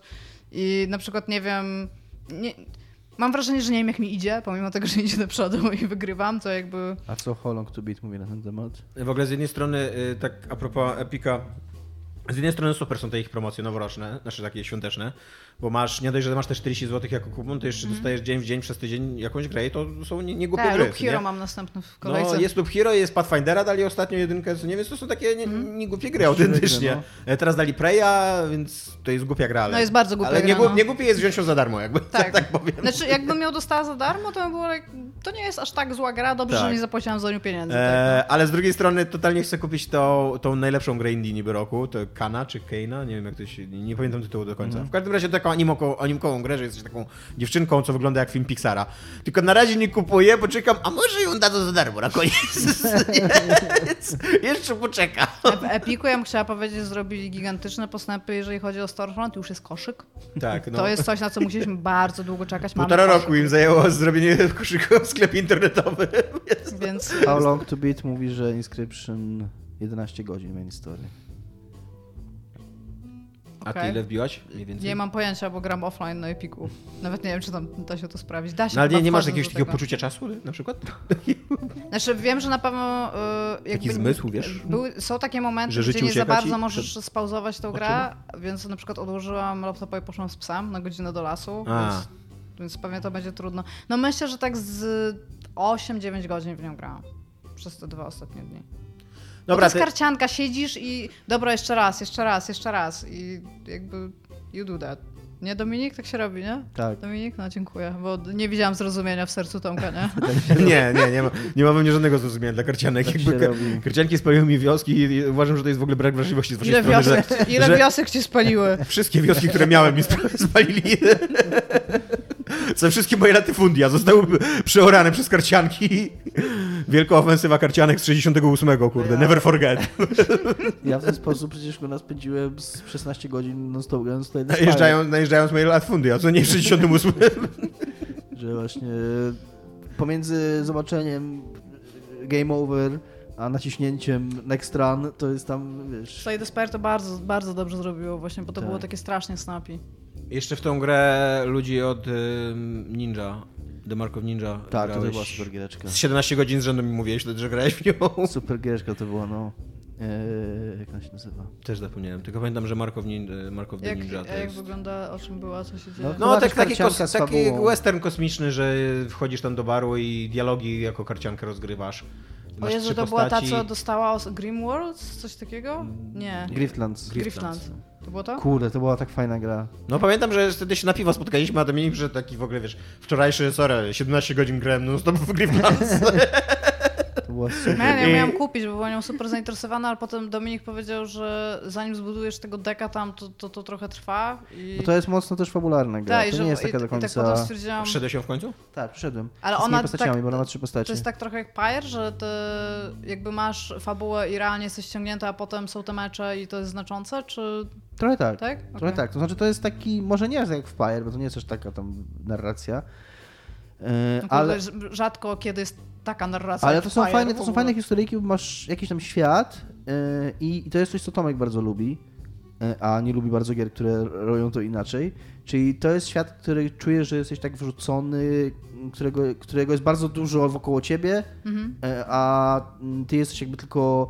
Pamiętam jak Tomek, jak grałem w Lakunę, jak Tomek grał w Lakunę, to mi się nie podobało, że jak miał wrażenie, że wszystko, co ta gra mówi o świecie, to mówi konkretnie po coś, tym miejscu, gdzie tak. ty jesteś. w tak? tym miejscu, Okej. gdzie jesteś, dla, dla, z jakiegoś powodu fabularnego, a nie czuć, że ten świat jakoś istnieje poza historią, która... Bardzo mnie, wku, bardzo mnie wkurza i jednocześnie śmieszy, i to, to totalnie to było w Lakunie, że o, otwierasz w ogóle gazetę na przypadkowej stronie i tam jest totalnie artykuł, który ci tłumaczy totalnie ten problem, z którym akurat się spotyka twój bohater i jeszcze totalnie, totalnie y, tłumaczy jakby ten, ten artykuł, ten problem na takim poziomie, jakbyś był zupełnie obcym człowiekiem w tym świecie i potrzebował, żeby ktoś ci wytłumaczył ten problem, to tutaj akurat napisaliśmy taki artykuł. No to, no to w Grifflands jest tak, że masz trzech bohaterów, którzy jakby każdy z nich Ja ma... tak mam codziennie. Każdy z nich ma zupełnie inną historię w trochę innym stylu. To jakby trzy różne gatunkowo historie. Jedna jest tam historia zemsty, jeden jest jakiś tam złodziej, który chce e, jakieś tam bogactwo zdobyć. I historia psa, który szuka Jeździł swojego koleją. pana. Historia, I historia wykluczonego, z- wykluczonego przez rodzinę Psa. e, tego e, e, takiego mm, no, no Jamnika. wygnańca z e, nie, to jest taka żaba. Z kolei. To, to jest taka żaba swoją drogą. Taki creature, który był Czy jest kolej w tej historii? Nie ma. Jest. który był synem arystokraty jakiegoś i tam jest, y, musi odzyskać honor i tak dalej, nie? I to są takie, takie mm, małe historyjki, które się jakby nie, one nie łączą się ze sobą, może jakoś tam w jakimś tam małym, takim easter eggowym bardziej aspekcie się łączą, ale nie jest tak, że to się układa w jakąś wielką narrację, tylko masz takie trzy małe historyjki z takiego świata, który się to wydaje... przyszedłeś? Skończyłeś to? Przyszedłem ty- tymi wszystkimi trzema postaciami. Tak, niestety to jest przez to, że to jest dużo bardziej gra fabularna, to ona jest taka, że jak już się skończy i się skończy te historyjki, To tam jest jakiś endless mode taki, żeby grać sobie po prostu te kolejne mecze bez tej historii, ale to już nie jest takie... No, Inscription jest. ostatnio dostało takiego, takiego patcha, że można grać w tą pierwszą część jako właśnie tylko taki roguelike y, karciany, że ona się nie kończy, ta pierwsza część. Znaczy widzę, że można by to było zrobić, ale tak naprawdę... Już zrobiono. No tak, ale w sensie, że mógłbyś to zrobić jako gracz, ale to jest dla mnie takie trochę... Jak przeszłam na przykład w Slay the Spire tym pierwszym ziomeczkiem i doszłam do jakby ostatecznego tam miejsca, to już mi się nie chciało nim grać, tylko sobie tym drugim ziomeczkiem zaczęłam grać, jakby I'm done. Ja bym jeszcze tu chciał e, dać taki mały wgląd naszym słuchaczom w y, świat przyjaźni mojej Dominika, bo nie, nie dość, że dom, Dominik się trochę przestraszył. e, jak, jak Dominik grał te Riftlands, Rift, Griftlands. Griftlands, y, tak, no, no właśnie w to, w to dokładnie, to, to tak przyszedł i powiedział mi, ale też jak w Crusaders Kings Crusaders, grałeś, no. to też mm, przyszedł Dominik na piwo i powiedział mi, Tomek grałem chyba z 25 godzin. No, z ciągiem i przez najbliższe dwie godziny opowiadał tylko o tym. I teraz y, plot twist to było zajebiste, bo mu się takie historie tam działy, że totalnie Crusader byłem w narracji, totalnie, co, nie, co z tym synem, czy o, twoja żona się z nim przyspała, co nie? czy Irlandia została utrzymana, co nie? Crusader Kings to, są- to, to naprawdę robi bardzo fajną super, historię, którą tak. przychodzisz do kogoś, opowiadasz i tego się naprawdę super słucha. Tak, Więc a, a, i to jest niesamowite, bo jak ty co grasz, to to są po prostu kurna... No tak, takie jakieś tam punchcardy ci wyłażą, Tak, nie? i że to są tam... po prostu czysty tekst i tabelki i tak dalej, a później to wszystko się układa w jakieś taką w ogóle, yy, wiesz, konstelację w ogóle wydarzeń. tak, tak. Tak, jak, tak samo jak mi kolega opowiadał z pracy, jak właśnie jak w, w Crusader Kings, gdzieś tam na jakieś pielgrzymki jego, do, do Jerozolimy, jego władcy chodzili tam umierali podczas tych pielgrzymek, jeden po drugim. I to też, że tak miałem wrażenie, że ja, ja słuchając go, dużo lepiej się bawiłem niż on grając. ta, ta, ta, ta historia jest dużo lepsza niż ta gra, która się tam dzieje. Trochę tak. Znaczy, no, w pewnym sensie. W pewnym sensie, jak ty to opowiadasz, to brzmi super dramatycznie. Jak w to grasz, no to tam przesuwasz pionki na planszy i czytasz jakieś tam teksty. Znaczy te... Yy, o, no, te Teksty. No. pola tekstowe i, i, No mi Dominik pokazał kwadrat. pokazał w powietrzu ze 13 kwadratów, zanim wpadł na to słowo. No te. Taki sześcian w powietrzu. Sześcian właśnie, no bardziej obracał. no takie wyskakują, no tam. I trzeba przeczytać. E, dobra, e, to może ja polecę od razu ze swoim, co jest grane. Dajesz, bo, dajesz. bo nie wiadomo, Taka czy będzie jeszcze... Co? Jak anarchia, no. No nie wiadomo, czy będzie jeszcze w ogóle czas na to, żeby gadać o świętach. Rozgry... Ile już mamy nagrane? 46 minut. No właśnie, no to, to jeszcze z pół godziny już będziemy mogli odcinek zamykać. Przede wszystkim gram w Other Side i e, wróciłem do tej gry i jest to nadal super gra. Ma ona trochę taki problem, jaki w ogóle mają takie roguelike'i, e, mm, Star Renegades też to miał, że takie roguelike'i, w które wkładasz bardzo dużo czasu, zanim przegrywasz i musisz powtarzać tu w początku ten cykl, że ten początek później jest bardzo łatwy. Jakby jeżeli, jeżeli masz takie dynamiczne gry akcji w stylu Dead Cells czy, czy Dead Cells, nie przychodzi mi teraz żaden, żaden, inny, żaden inny przykład nie przychodzi teraz do głowy? Hades, Hades tak czy. Hades, o właśnie, no to tam, tam ten początek ci sprawia super frajdę za każdym razem jakby, bo ten cykl twojego grania i umierania jest na tyle krótki, że ten początek nadal, znaczy jakby jest tak zaprojektowany, że budził twoje emocje za każdym razem. A w strategiach jest tak, że jak tam ja wbiłem swojego rana na 14 godzin, no to teraz jak wracam do tej pierwszej godziny z tymi postaciami z 14 godziny, no to to jest takie tam bicie kotletów, co nie? Po prostu. Leżą jakieś takie kawałki miejsc, mięsa na, na, na tym, e, na, na mapie, ja mam młotek taki do mięsa i puf, puf, puf, i ubijam je i wyskakują e, expy, a jednocześnie ta gra u, umożliwia ci ominięcie tego. Tam możesz zamiast umiejętności możesz kupić takie prze, prze, prze, pominięcie całej ery, co nie? E, za 100 punktów umiejętności, e, ale to się nie opłaca, bo, no, bo chcesz te XP, co niektóre tam leżą jakby po drodze i pomimo, że to jest trochę nudne i trochę mm, takie powtarzalne, to cały czas to robię. E, przynajmniej walki z bossami są cały, cały czas interesujące, nawet jak masz tam postać na, na dziewiątym poziomie, a walczysz z bossem, którego pokonałeś na trzecim poziomie przed pierwszym razem, nie? I chciałem powiedzieć, że to jest super gra, totalnie super. I spoiler w ogóle, już o tym myślałem, ale w mojej... Ja bardzo mało gier z tego roku grałem w tym roku, więc jak będziemy dawali grę roku, to totalnie Side to będzie moja gra roku. Dzięki za spoilery, Tomek, nie? Zniszczyłem to wam, tak? A to jest gra z tego roku, tak? No, tak mi się wydaje. Tak, Też mi się wydaje, że ona miała wtedy Nie, premierę. nie pytam, nawet nie, nie kwestionuję czy coś, po prostu. E, ale, e, ale o Other Side już dużo mówiłem i dużo i mądrze mówiłem i e, Daj, daj sobie sam medal. tak i, i nie chcę się powtarzać, więc tylko tak odnotowałem, że po prostu gram w tą grę dalej. Ale przeszedłem na Switchu polską grę Werewolf The Apocalypse Heart of the To Forest. się pa, e, Patryk Fiałkowski się fajnie nabijał z tego tytułu, że tam wilk, y, apokalipsa i stara szafa. I prostu... No tak, to, to prawda, aczkolwiek rozumiem, że to Werewolf The Apocalypse to jest po prostu marka, Marka. do której, w której oni robili tą grę. Chciałam E, powiedzieć, że wyszła w 2020. O, shit, nie będę mógł do adresu. Kurde, zepsułaś mi spoilera, ty. To może być twoja najlepsza gra zeszłego roku w tym roku. No. Tak. Być. stara gra w tym roku. Ja mam na szczęście bardzo łatwy wybór, który mogę Dobra, też e, zaspoilować. czekajcie, wilk, coś tam, wilkołak. Wilkołak, apokalipsa, serce lasu. E, Serce puszczy tak naprawdę powinno być, bo to jest, e, bo to jest o Puszczy Białowieskiej. E, to zrobiło e, Walkabout Games, to to wydało chyba, a zrobiło to, zaraz kliknę w Wikipedię. Coś tam Tales? Different Tales? Tak, Different Tales, dokładnie. Czyli ludzie, którzy Znam wcześniej... ludzi. E, Ludzie, którzy wcześniej zrobili grę o podróżowaniu. Skoro ich znasz, to pochwal się ich znajomością. Jak miała tytuł ta gra? Ta o podróżowaniu? Tak. Wonder Tale? Wo- Wonder Tale, no dobra, Wonderlust. no. Wonderlust. Wonderlust, o właśnie, widzisz, no. Dominik zna ich lepiej niż ty. I za tego, za tego wilkołaka Apokalipsę dostali e, paszport polityki. Nie dostali niestety paszportu Polsatu, za, za słaba jest ta gra na, na, to, na to wyróżnienie. E, I jest to visual novel z takim bardzo prostym systemem RPG zaszytym w sobie, że masz tam jakieś umiejętności, kontrolujesz tam swój, e, swoją wściekłość, bo jakby wściekłość jest w ogóle w wilkołaku takim bardzo ważnym współczynnikiem, na ile jesteś takim szalonym wilkołakiem, na ile takim, co kontroluje swoje instynkty. Masz tam jakieś życie, masz takie specjalne punkty akcji, że raz na jakiś czas możesz wykonać jakąś akcję taką wyjątkową w tej swojej opowieści i, i potrzebujesz tych punktów, żeby, żeby to, to, to wybrać ten, jakby po prostu odblokować ten wybór, nie, w dialogowy. Em, i ona jest z jednej strony ciekawa, a z drugiej strony nie. Tak, e, tak. Bo ona, ona jest o tyle Dla ciekawa. fanów gatunku. Słucham? Dla fanów gatunku. Nie, nie wiem, czy dla fanów gatunku, bo ja nie jestem jakimś wielkim fanem e, visual novels, nowelek, a, e, a dobrze mi się w nią grało, co nie? Jakby, to jest z jednej strony ciekawa gra pod względem tego, że ty, autentycznie ona jest interesująco napisana, ma taki koloryt fajny, polski, e, czuję, że to jest jakaś taka historia rozgrywająca się w konkretnym czasie, w konkretnej w konkretnym momencie, przedstawiająca ci konkretny problem, jakim była wycinka Puszczy Białowieskiej.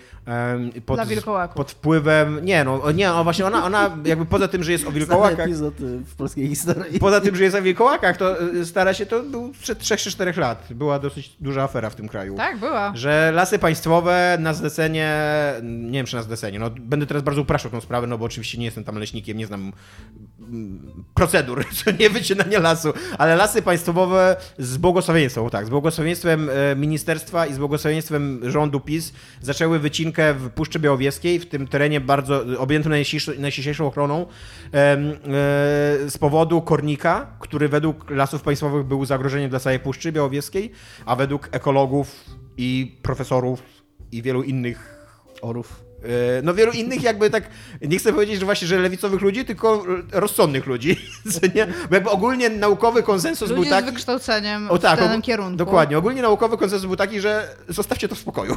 No Że tak. to, że to jest puszcza objęta ścisłą ochroną i nawet jeżeli tam jest ten kornik, to niech on przejdzie przez tą puszczę i ta puszcza się później odrodzi po No tym. jest i... to ekosystem, tak. który jest na tyle zamknięty w Na to, momencie, na to z kolei la, sobie funkcjonować. no, właśnie no. na to z kolei lasy państwowe argumentowały, że jest 200 lat za późno na taką decyzję, że e, Puszcza Białowieska już dawno nie jest naturalną puszczą, że ludzie już bardzo głęboko tam weszli e, i że to nie zadziała jakby to wyjście, nie? Mhm. I tam w końcu doszło do jakiegoś wyroku jakiegoś trybu, Trybunału Europejskiego, który zakazał tej wycinki, Tak. ale w, w, w środku jakby tej afery tam normalnie po puszczy jeździły harwestery, wyrywały te I drzewa. wilkołaki.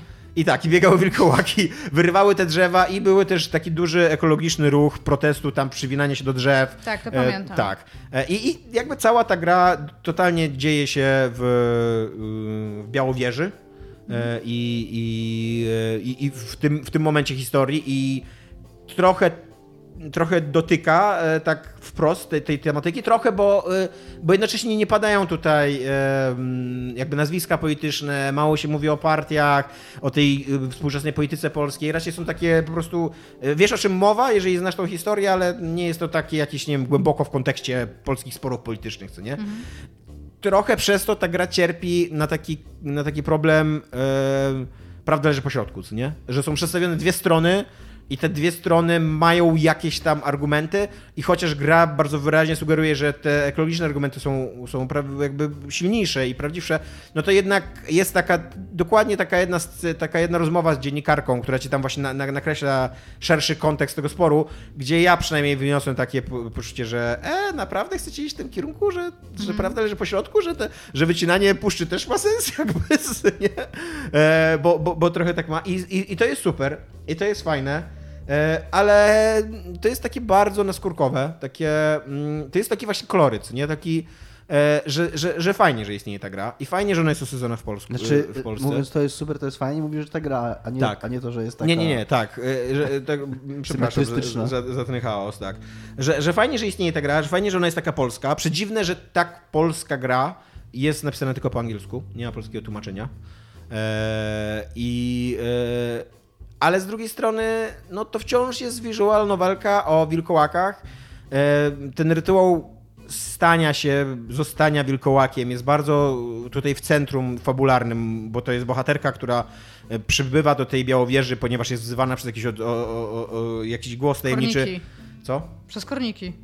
Nie, przez puszczę. Okej. Centralnie tam w ogóle y, budujesz sobie relacje z puszczą. Masz tak jak, tak jak przyjaźń masz, że może puszcza może cię nie lubić, co nie? Albo może cię lubić, albo może być nawet lojalna wobec ciebie. co nie? E, I i jakby to jest w centrum tej historii. I ja to nawet rozumiem tak z punktu widzenia, że to jest gra o wilkołaku, wilkołaku apokalipsie i że to jest... Starej szafie. Słucham? I stary szafie. I, stary szafie, tak. I że to jest system, który jest w, w centrum tej gry i że ona jest robiona na licencji, ale przez to to, co jest najciekawsze w tej grze, bardzo y, cierpi. I jest no właśnie takie, takie powierzchowne, mm, ledwo dotknięte, ledwo zarysowane, a koniec końców, jak się spojrzy na tą grę, to to jest historia po prostu o, o takim rytuale, prze, rytuale przejścia, y, jakimś przebudzeniu, odkryciu prawdy o sobie. I, no i to jest, to jest taka pierwsza przygoda w Wilkołak Apokalipsy, jaką, jak zbierasz drużynę, podejrzewam, i no to wiesz, to najpierw trzeba wytłumaczyć ten świat, że jesteście wilkołakami i tak dalej, no to to jest właśnie taka pierwsza przygoda, jaką ci mistrz gry organizuje. Nie, że te- teraz y, przejdzie, obudzisz się jako wilkołak, nie będziesz nic rozumiał, jakieś tajemnicze koszmary, jakaś puszcza do ciebie mówi, co nie, i teraz ja ci tłumaczę tu twoje umiejętności, tu są takie punkciki, tam musisz, ten punkcik musisz wydać, żeby jakiegoś wyboru dokonać, musisz uważać na swoją wściekłość, bo jak będziesz za bardzo wściekły, to nie będziesz kontrolował postaci, jak będziesz mało, odpowiednio mało wściekły, to będziesz kontrolował tą postać i tak dalej, i w tym momencie ta gra się kończy. takie okej, ewidentnie pierwsza część Tak. czegoś w założeniu. Tak. Dobra. E, Ile i, to jest godzin, powiedz? Kurde, ze 3, 4 to nie jest Ładna? gra. Bo visual novelki... Nie. E, jest problem taki z tą grą, że ona nie jest ładna, że e, są tam, zostały podjęte decyzje estetyczne. E, I ona jest konsekwentna w tych decyzjach estetycznych. E, że są takie mm, przerysowane zdjęcia jakby, jakieś takie tła wzięte z fotografii, ale też jakieś takie odrysowanej, e, nałożone na siebie trochę tak jak jakieś takie kolaże, że to są różne zdjęcia czasem nałożone na siebie, że postaci są e, jakby w innych kolorach, bo widać, że jakby też z innego zdjęcia są wzięte, dlatego że postać może już z tobą nie być na tym etapie fa- fabularnym, co nie, więc mm, jak jest, to jest sklejona tak jakby inaczej, co nie? I jest to konsekwentne, ale jest to coś dla mnie zupełnie nieatrakcyjne estetycznie.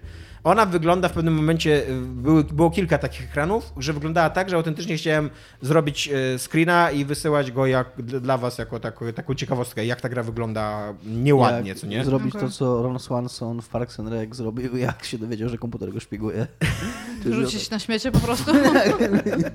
Ale niestety, niestety robienie screena na Switchu i później musisz go wysyłać na A, Facebooka. Switchu grałeś, to Switcha I tak, y, musisz go wysyłać na Facebooka i z Facebooka później kopiować samą grafikę i wam No. przekierować ją, no to tam za dużo tutaj efortu, co nie, żeby, To żeby jest tak to jak z tą myszką i moim laptopem, ja to zupełnie rozumiem. No właśnie, więc, więc nie, nie, nie jest ona atrakcyjna wizualnie, o tak powiem. Jakby Ja się do tego pytam, rozumiem, bo... ona ma kierunek artystyczny, ma reżyserię artystyczną, co nie? Jakby ktoś tam podjął decyzję i pozostał przy nich jakby konsekwentnie, są to decyzje, które mi się w ogóle nie podobają.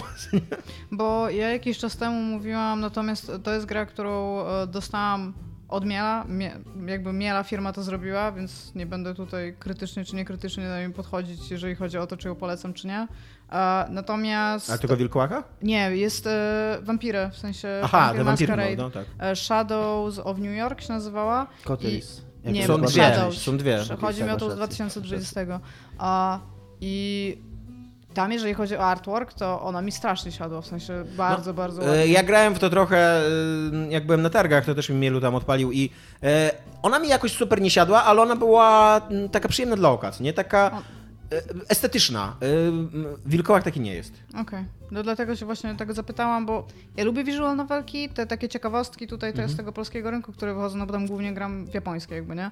Ale te takie właśnie ciekawostki z polskiego rynku to zawsze tam fajnie pośledzić, plus oparte na systemie RPG, to też tam zawsze spoko. Właśnie Ale jak mówisz, że 3 godziny, bo jakby wilkołak nie jest w ogóle znanym mi systemem, jakkolwiek, w ogóle wilkołaki nie wydają mi się super Ta jego, ta, ta jego rzeczą. estetyka jest trochę mm, zrozumiała, to znaczy trochę tak da się ją połączyć z tym, o czym to jest opowieść, no bo ty będąc tą młodą wilkołaczką, która tam budzi się w niej ta wściekłość i e, gadają do niej jakieś zjawiska nadprzyrodzone i ma jakieś sny i tak dalej, jesteś wiecznie w takim e, wybiciu emocjonalno-intelektualnym, więc, więc to, że, że to jakby tak dziwnie wygląda, no to ma jakiś sens taki, co nie, jakby jak- jakoś jest to spójne, ale nadal nie jest to ładne.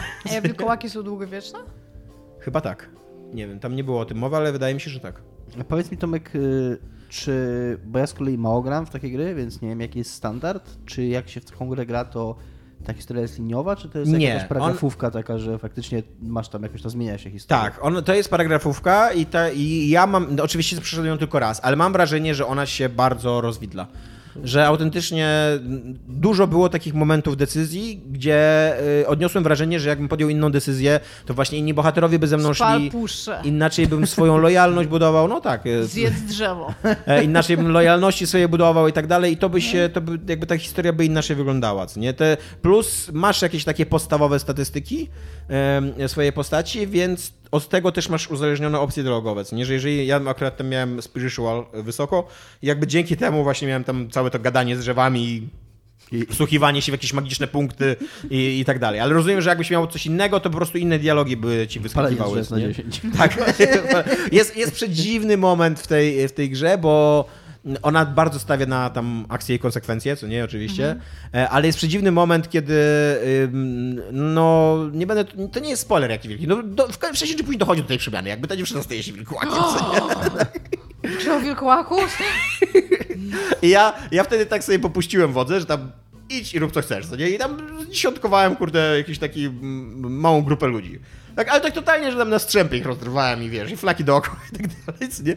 I spodziewałem się, że ta gra w jakiś sposób jakby y, skomplikuje dosyć mocno sytuację tego protestu, co nie? I, I tej wycinki. A nie, a totalnie to zostało gdzieś tam zupełnie jednym ekranem tak rozwiązane, że o, pogrzeb w wiosce i, i tyle, co nie? Więc, więc miałem takie, z jednej strony miałem takie wrażenie, że tak, że ona się bardzo rozwidla i że ta historia może być bardzo inna, ale z drugiej strony jak, jak sam w takim momencie wybrałem takie bardzo radykalne rozwiązanie, to miałem takie, eee, co nie, takie, no jednak, e, jednak nie za bardzo ta gra na to zareagowała. Nie, nie wiem jak jest z innymi wyborami i decyzjami, ale mm, więc tak jak mówię, no nie wiem, znaczy jest to spoko gra i, i ona teraz chodzi w ogóle w wiecznych promocjach, e, więc polecam, jeżeli chcecie sobie poczytać dobrze napisany tekst po angielsku, osadzony w ciekawym konflikcie w nieda- niedawnej historii Polski, a być może w ogóle ten ko- konflikt cały czas trwa, tylko po prostu my o nim już nie słyszymy w mediach e, i lubicie visual novelki i, i lubicie jakieś tam wybory i tak dalej, no to, to polecam, ale... ale Lubicie nie, gadać z Puszczą Białowieską? tak, ale nie jest to tam Ja polecam jechać 10 do na Puszczy 10. co nie? Białowieskiej. Byłam stosunkowo niedawno i jest to kawał Puszczy. Okej. Ja mam jeszcze jedną rzecz, o której sobie przypomniałem. Obejrzałem w święta superprodukcję Netflixa nową pod tytułem Wiedźmiński kominek. I To jest a thing? to jest, to jest a thing, tak? No Okej. bo są ze trzy kominki na Netflixie i teraz y, powstał Wiedźmiński kominek i był grany parę razy, very watchable.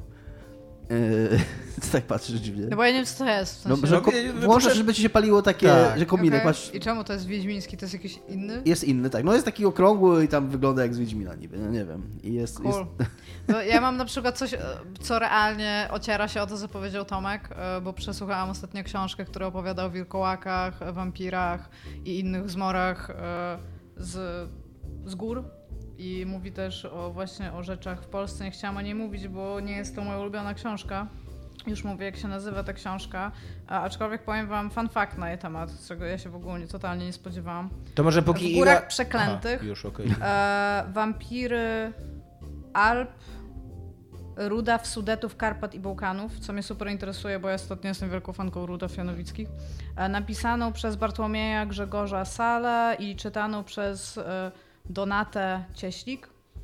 A, I jakby to jest książka, która opowiada dokładnie o tym, jak, jak brzmi tytuł i tutaj nie będę w to wchodzić, bo to się, to, to się czyta, słucha jak taki, moim zdaniem, dobry licencjat kulturoznawczy, ale w pewnym momencie ziomek chyba sobie stwierdził, ja zrobiłem ten doktorat z historii Rumunii i władców i totalnie jestem bardzo zafascynowany Drakulami.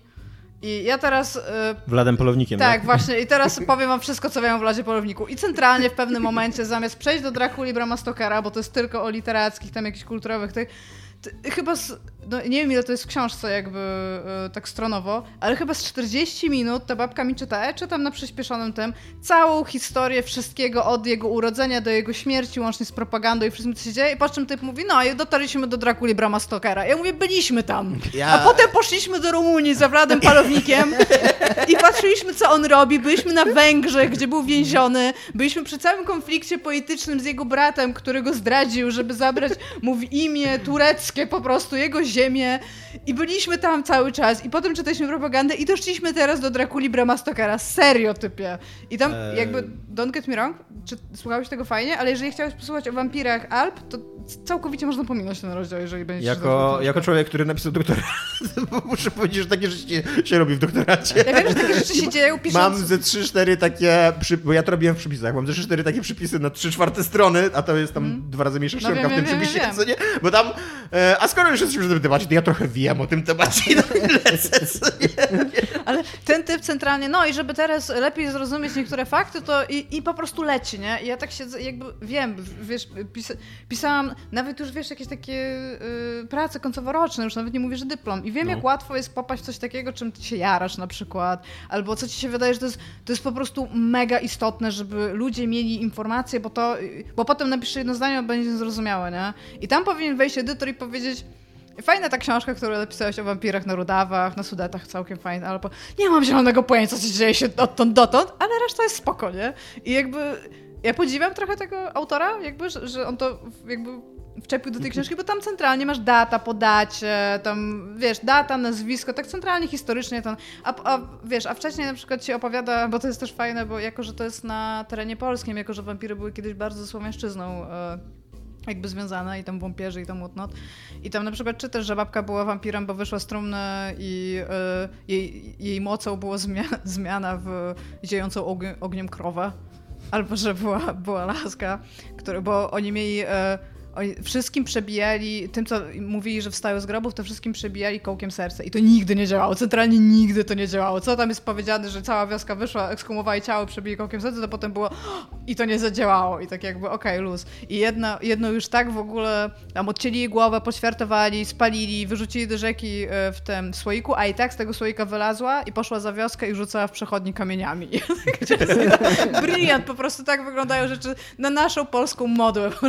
Tak Ja wyglądają jeszcze, e, pozostając w temacie wampirów, wilkołaków i innych takich, to chciałbym wrócić do odwiecznej dyskusji na temat tego, że Wadmi, e, Wiedźmin jest słow, słowiański. Pierwszy odcinek drugiego sezonu e, Wiedźmina jest o wampirze, który jest z japońskiej mitologii wzięty. Jakby tak, obudźcie się ludzie. A tak Bru, Brooksa? Brooksa, tak. Tak, tak. Więc tak, przestańcie, przestańcie to mówić. Ja z kolei, żeby jeszcze bardziej wykoleić ten odcinek, to powiem, że pograłem przez święta trochę, no z dwie godzinki w Disco Elysium, polską wersję i Jest super? jest bardzo dobre to tłumaczenie.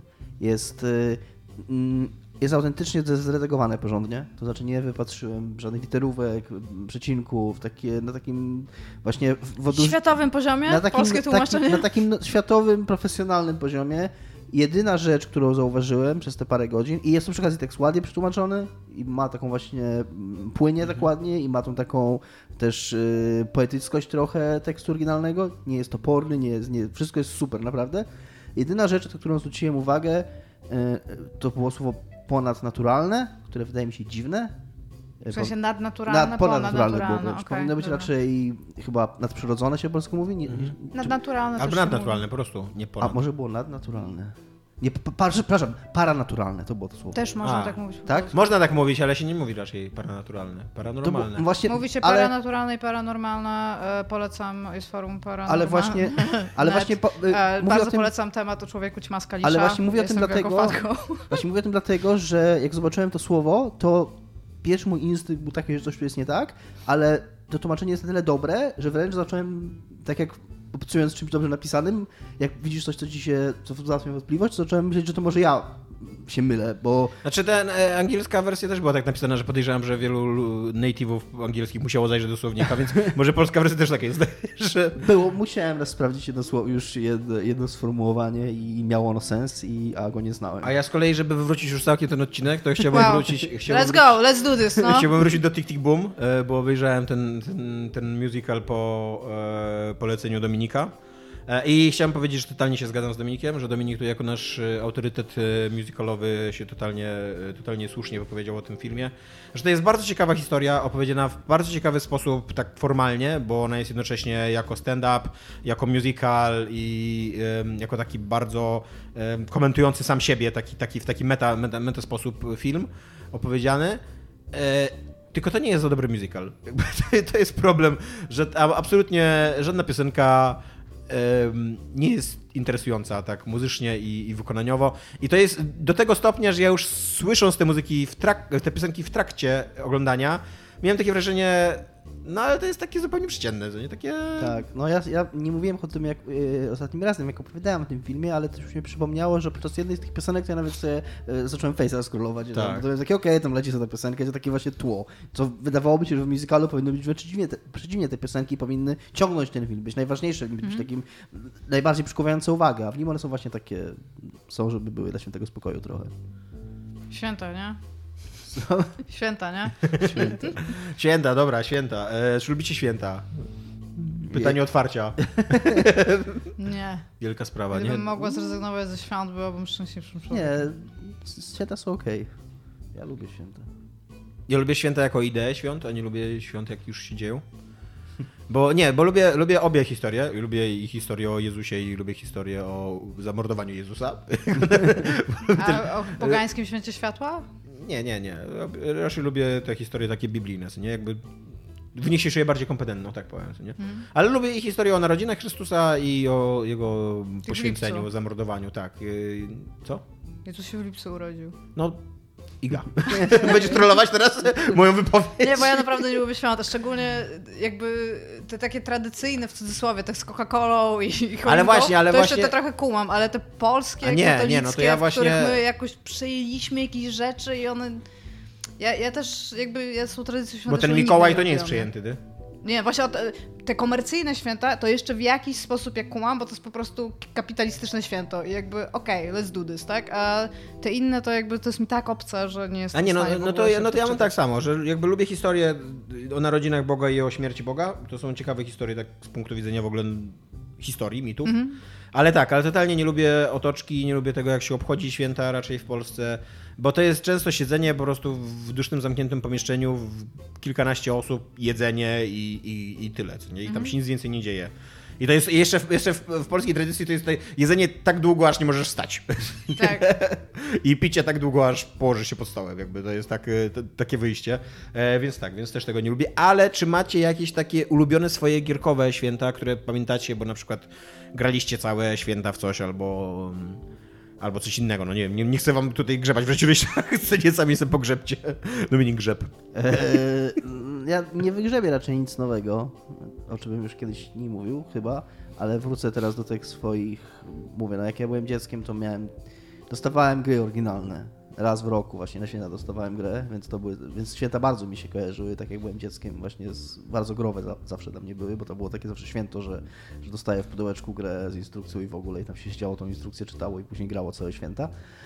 E, I chyba najbardziej pamiętam Blade Runnera z takich prezentów, bo, bo to była gra przy okazji, którą się dało przejść po prostu w, tam w dwa dni świąt, więc y, pamiętam, że właśnie grałem w tego Blade Runnera pierwszy, drugi dzień świąt, tam całego przeszedłem i tam śnił mi się on i w ogóle to było takie autentycznie... Też mi się Blade Runner śnił w ogóle wiele razy. Tak, więc to jako było... gra właśnie, nie jako film. Tak, więc to było takie autentycznie żyłem tym i przeżywałem to strasznie, bo tam jeszcze była cała ta, y, y, cała ta historia o tym, że, że wiesz, że ta gra jest inna dla każdego i że tam się zmienia to, co było super cool i wciąż jest super cool w tej grze. Y, I, i, i, naprawdę mam takie kilka takich wspomnień w życiu właśnie z takiego kompletnego zanurzenia się w dzieło, które są związane z te, jednocześnie z konsumpcją tego dzieła w bardzo krótkim czasie, tak bardzo intensywnie.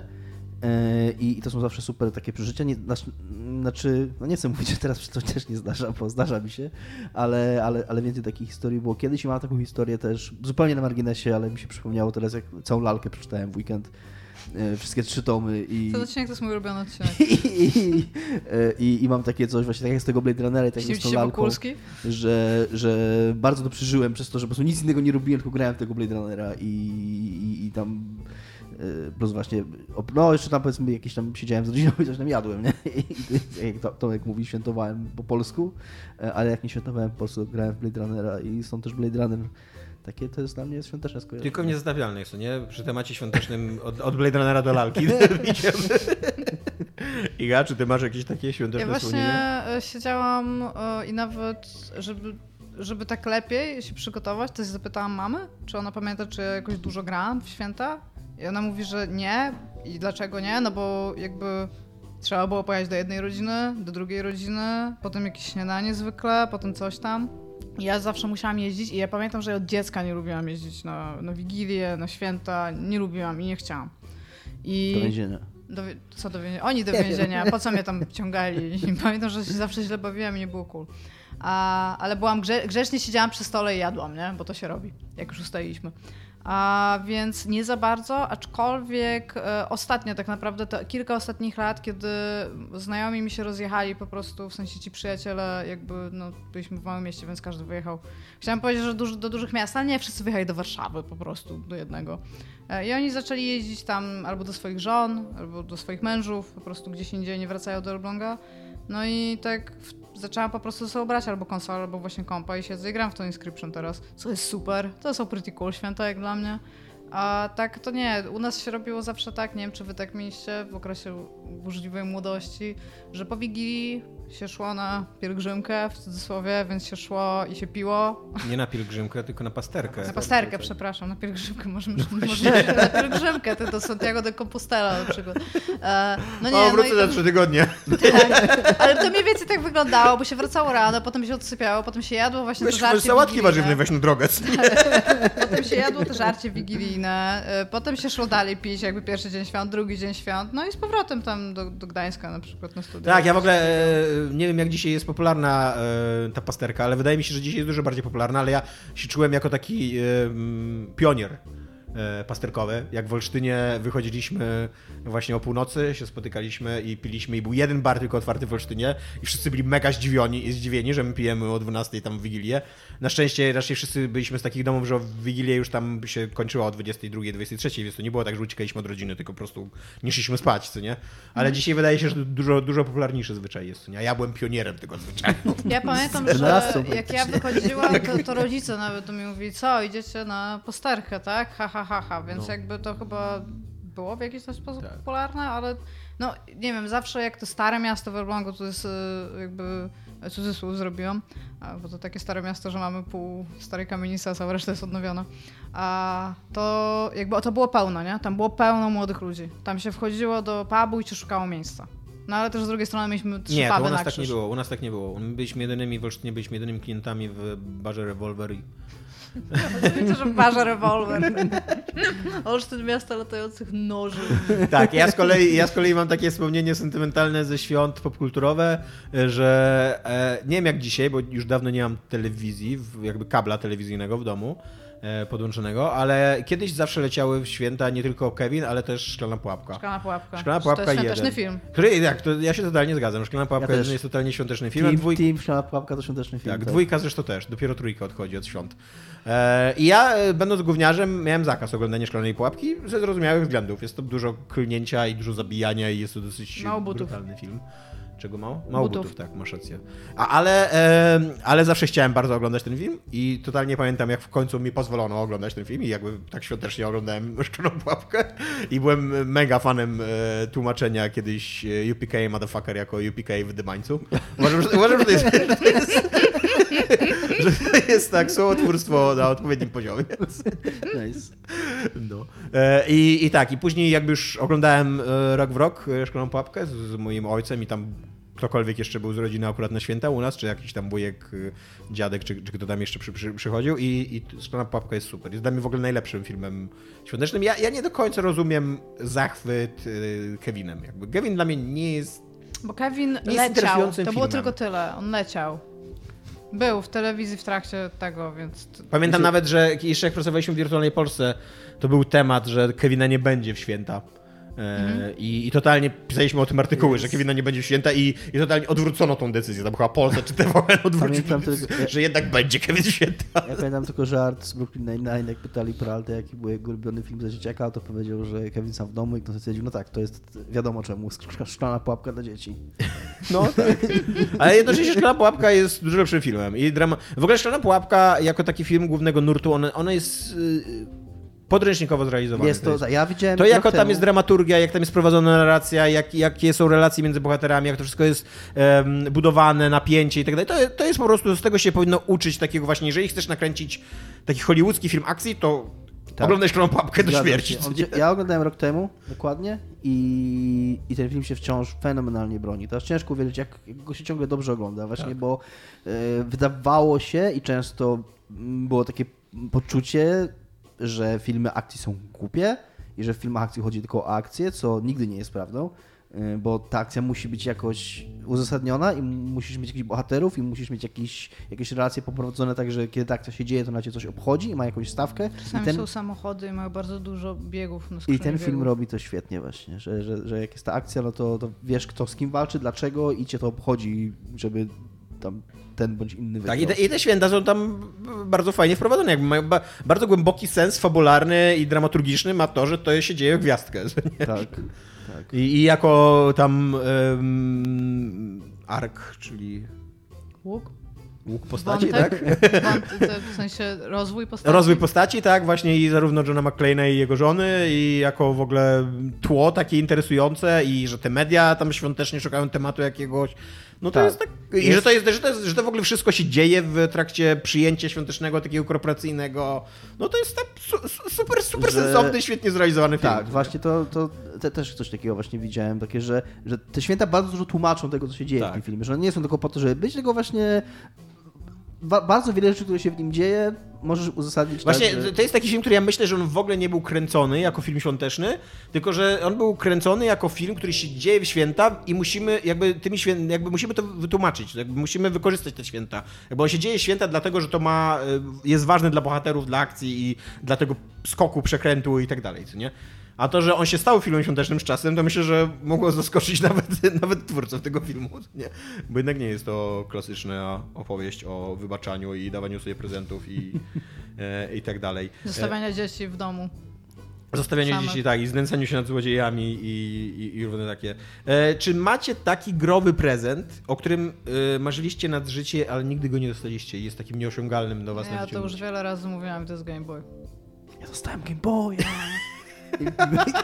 Tak, jeszcze splunij w I to twarz teraz. było- Mi Jesteście się akurat, wydaje, że to jest ten fundament nienawiści. I to było akurat moje- jesteście przy jednym stoliku, I to możesz moja- na nią plunąć. I to była moja odpowiedź Nie, na nie najlepszy możesz. growy prezent, bo chciałem tylko, nie, chciałem ci Igor powiedzieć, że mm, możesz sobie myśleć, że możesz sobie myśleć tak, tak z perspektywy, że, e, że to nie było takie ważne i że ten Game Boy Nie, zupełnie wiem, że to było, totalnie że to był life changer. To, no. to jest life changer. I wciąż uważam, wciąż uważam, że zajebiście było dostać Game Boya. Przekręć tym nożem. Zajebiście było mieć Game Boya i to była jedna z najlepszych rzeczy, jakie miałem No, za za, dzieciaka. zazdro w opór po prostu. No. No dobra, a takie, takie Chcesz coś jeszcze zniszczyć? To- Tom- Tomek, w tym telefonie masz jeszcze jakieś pytania? Ja? Dlaczego ja? Dominik ci tutaj podeptał i, i, wiesz, i nasikał na twój grób buzi. Ja bardzo długo, bardzo chciałem mieć PSP i w końcu je kupiłem od Igi i zgubiłem ładowarkę i Ja bym chciała powiedzieć, że przynajmniej miałam Amigę Dominik. kurde. No to, jest, to boli. To boli. Bardzo chciałem mieć No Amigę więc też. właśnie, To nie, no. nie wiem, czy- Wiesz, no, jak fajnie było mieć chyba, Amigę? kurde, I te bardziej- wszystkie gry? chyba masz rację Iga, że bardziej niż PSP. PSP to już byłem w miarę dorosły i tam miałem trochę taką e, fazę na PSP, ale to tam w sumie nie, nie było takie, nie, nie, nie wpływało tak na moje życie, a Amiga to było kurde, no.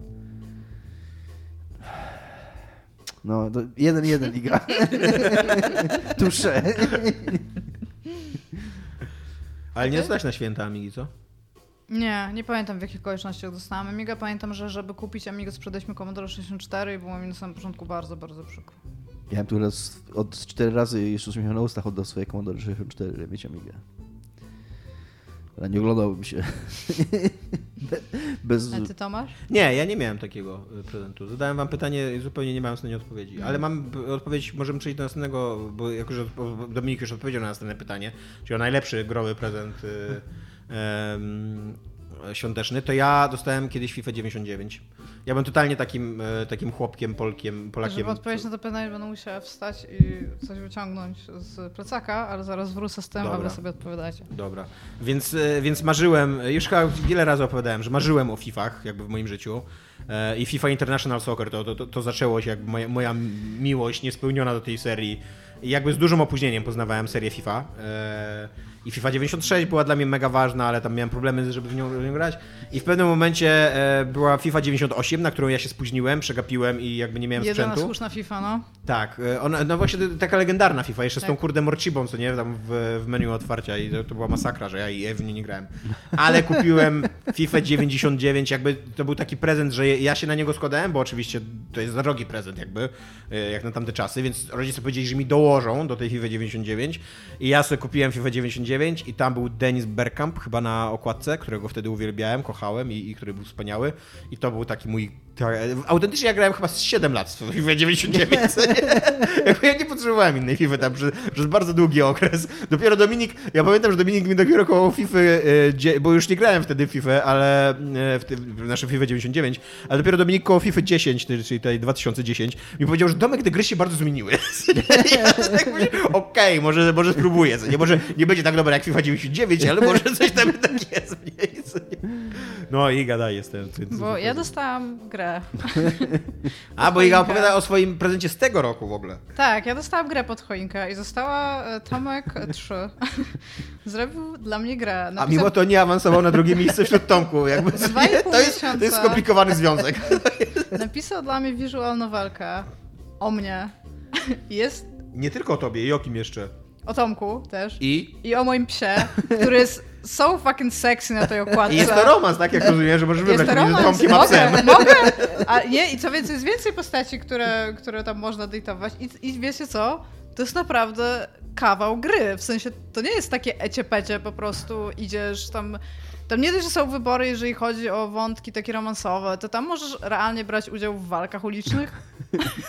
To się dzieje. Możesz chodzić w ogóle praktycznie na Broadway we Wrocław City, bo to jest we Wrocław City. Jest po prostu, jest, nie ma, nie ma kurde nic lepszego, a przy okazji trzymam tutaj w ręku i dzierżę, jest prawdziwe opakowanie tej gry, z prawdziwą okładką, z prawdziwymi opi- opisami. Z prawdziwą kartą SD w środku, która jest trochę większa niż te karty Tak, nie da się je wsadzić niestety do Tak. tego od kartridża ze Switcha. switchowe. Tak, i jestem po prostu, no jakby... Czy zrobisz fotografię i zamieścimy je w opisie, czy nie? Czy Tak. to jest tylko twoje? Znaczy, zapytam się najpierw autora. I ale- autentycznie z tyłu są w ogóle wymagania sprzętowe i... Są. Jest e, też, e, przeczytaj information na głos, tam gdzie, attention przy tym. No, czytaj na głos. Nie wiem, nie, Tutaj, nie widzę, tu, gdzie tu, to jest. tu, To ty przeczytaj, bo ja nie widzę, gdzie to jest. Dobrze, uwaga, będę czytać. Nie mamy dzisiaj sekcji poetyckiej, prawda? Nie, nie na mam. ten czas wojski chwycił na taśmie przypięty swój róg bawoli, długi, sętkowany i kręty jak wąż boa. Oburącz, y, go ust, nie, oburącz do ust go przycisnął, z dołu policzki jak banie w oczach krwią zabłysnął. Zasunął w pół powieki, wciągnął w głąb pół brzucha i do płuc wysłał z niego cały zapach ducha i zagrał. Ruch, jak wicher, wirowatym dechem niesie w puszczę muzykę i podwaja echem. Umilkli strzelcy, staj sz- szczerze zdziwieni, mocą, czystością, dziwną harmonią pieni. Starzec cały kunszt, który niegdyś w lasach słynął, jeszcze raz przed uszami myśliwców rozwinął, napełnił wnet, ożywił. Knie i Dąbrowy jakby psiarnie w nie wpuścił i rozpoczął łowy.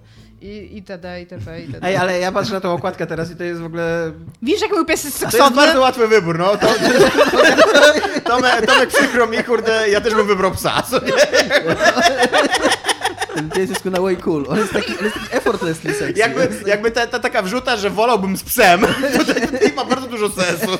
Ale ja grałam w tą grę, bo i to jest jeszcze w ogóle z 3 godziny gameplayu, gdzie nie zrobiłam wszystkiego, plus y, przy okazji y, ona ma 6 zakończeń i one są naprawdę od siebie różne, więc ja w to będę jeszcze pewnie grać, kurde, z 12 godzin i jakby nie ma nic lepszego, co w życiu giereczkowego jakby Jest dostałam. to, jest to A mimo wszystko Tomek 3 jest Tomkiem 3.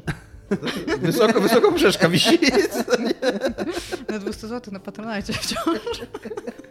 Jump into the world of romance, brutal hand-to-hand to- combat and everyday ostatnie. school life. Przeczytaj to ostatnie, co, co tam jest, bo tam już się dzieją rzeczy w tym, w tym. Spend your experience points on uh, customizing your character in three different skill trees.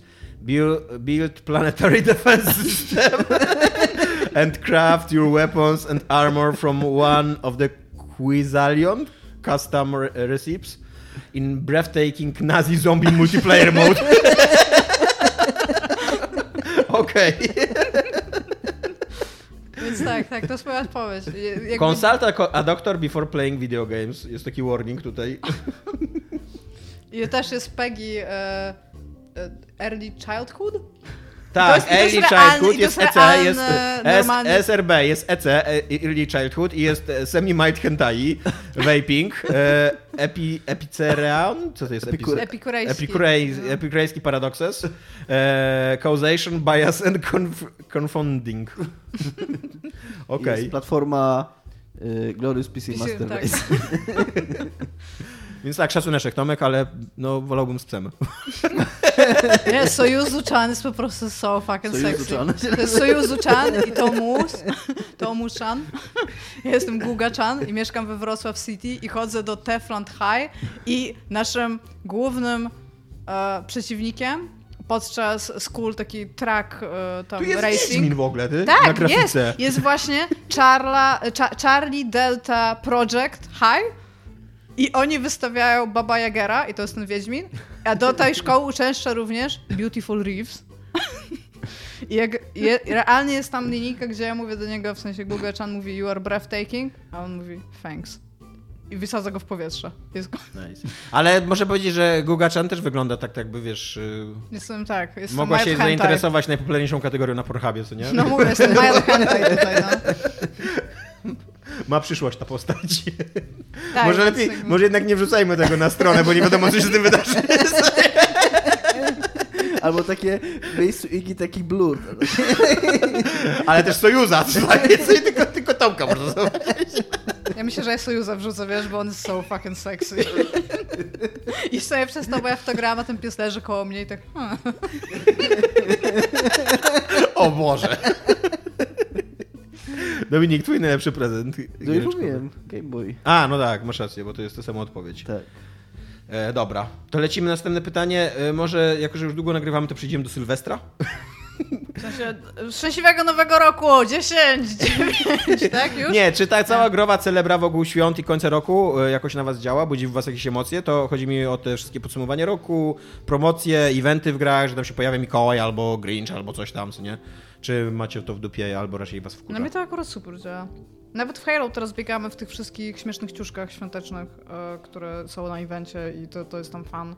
A, I tak w ogóle to też pokazuje, że gra żyje, nie? Jak masz te wszystkie eventy świąteczne. Plus zawsze patrzę na wyprzedaże, na przykład Steamowe. To jest fajny moment, żeby kupić komuś jakąś grę. Ale mnie to wyprzedaż. Steamowa świąteczna, właśnie ta Winter Sale to bardziej mnie przeraża niż pociąga. Jakby tam jest tyle rzeczy i jakby samo przeglądanie ich i...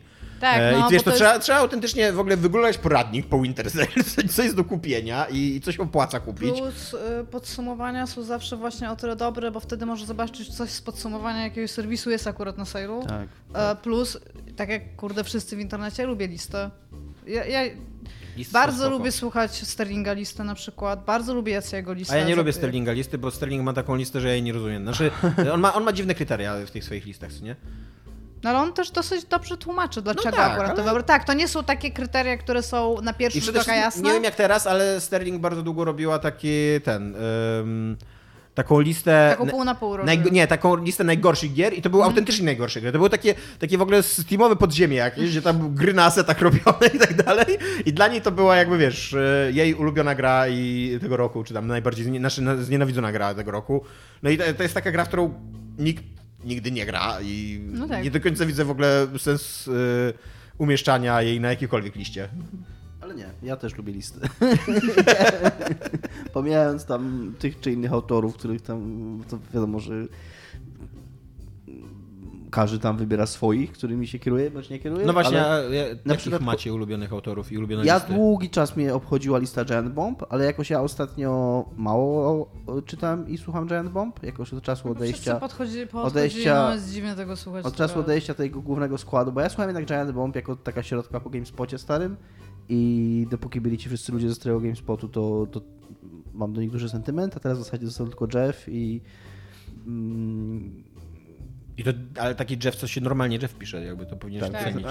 że to jest normalny tam, Jeff. wiesz, tam na przykład też fajnie, bo mi się najbardziej nie podoba to, bo jakby na przykład wszyscy, których bardzo lubię odeszli, to bym słuchała tego drugiego podcastu, który totalnie nie pamiętam jak się nazywa, Tomorrow coś takiego. coś takiego, no. E, a oni odeszli tak pół na pół dla mnie na przykład. E, ja lubię, ja mega doceniam i po prostu ubóstwem i kocham Jeffa, ale nie ma tam teraz Brada.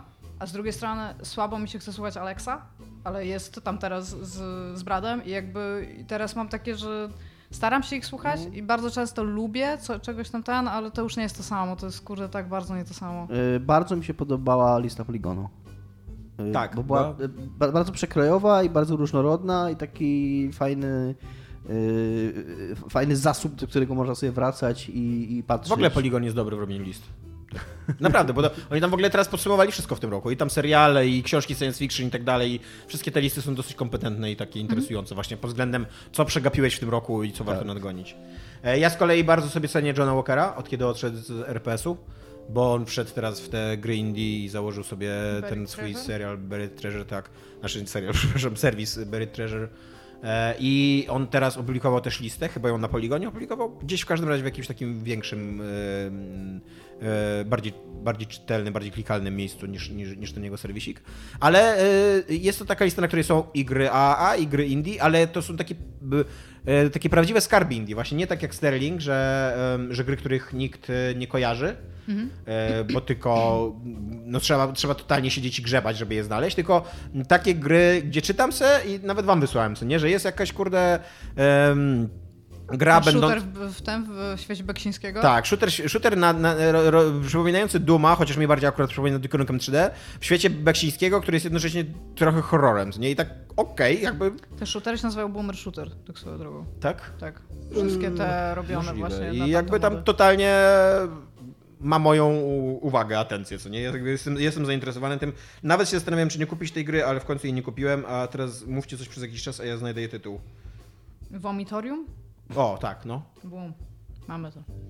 Mój mózg jest czasami spoko, zapamiętuje taką rzecz. E, Pewnie wyleciał mi jakiś wzór skróconego mnożenia właśnie, ale mam, mam tą nazwę, super. Mam hejta na, na hejta. Mam hejta na hejta na wzory tego mnożenia. To nie są żadne wzory. A Znaczy co to sobie- jest jakiś hejt? Powiedziałam, że jeden mi właśnie wyleciał. Ale to nie są żadne wzory. Nawet. To nazwać wzorem. To po prostu. Dobra, nieważne. Anyway. Za łatwo. Jakby Dominik, Dominik za łatwo Ja też bardzo I lubię nawet podsumowanie roku niezatopianych. Uważam, Tak, że to, to jest jest najbardziej cenny. kompetentne i najlepsze podsumowanie roku. Ale mamy jakąś taką formułę na, na nasze podsumowanie roku. To nie, nie jest ona głupia, tak mi się wydaje, że nie robimy tego najgorzej. Jakby jest wiele rzeczy, które Nie, robimy gorzej niż nawet- podsumowanie roku. Moim zdaniem robimy to najlepiej. Nawet. Szanuję taki sposób, jakby taki, taki poziom wiary we własne umiejętności. Ja, ja, No kurde. ja go nie mam, więc, nie powiedziałbym, yy, że tak, ale e, czy kupowanie gier w ogóle dobry, to jest w ogóle dobry pomysł na prezent? Tak. Nie. Ja też jestem raczej na, w tym nie. Czemu? Bo jeżeli kupujesz grę e, komuś, kto gra, to jest to bardzo niebezpieczne. Tak. Ja pamiętam dawno temu właśnie jeszcze jak był podcast GameSpotu, pewnie już też to o tym mówiłem, ale co tam, to jest, dobra, to jest bardzo dobry, ciągle trafny tekst, do którego się często odwołuję i tam właśnie któryś z nich opowiadał, że jak był dzieckiem, to nie cierpił takich, nie cierpiał takich prezentów, jakieś na ciuchy, gacie, skarpetki, t-shirty, bo chciał dostawać gry, ale teraz jestem dorosły i zabawki sobie kupuję sam, mam to ogarnięte, nie, nie potrzebuję i tak sobie kupuję lepsze niż byście mi kupili. Vomitoreum się nazywa. a właśnie takie prezenty ty, użytkowe, mm, przydatne, dużo, dużo bardziej cenię obecnie, bo tak jak powiedział Tomek, bardzo ciężko, wydaje mi się, że bardzo ciężko byłoby mi kupić grę komuś, Tak. kto nie jest super blisko ze mną, tak jak powiedzmy wy, nie? Ale... Yy, Ja bym się nie podjął kupić ci gry. Ja bym totalnie się Ale nawet, podjęła. no właśnie. I co teraz? Nie, ja mam totalnie tak samo i z grami, i z książkami, i z komiksami, jakby ja na tyle głęboko siedzę w tym temacie, na tyle wiem, co chcę, Dobra, książki też bym się nie podejmować. Że Chyba, albo że jakąś nowość wydawniczą. albo sam to kupię, yy, albo no istnieje gigantyczna, gigantyczna szansa, że ktoś nie trafi nie, z tym prezentem. Więc ju- już wolę dostać bon na przykład na Steama, nie?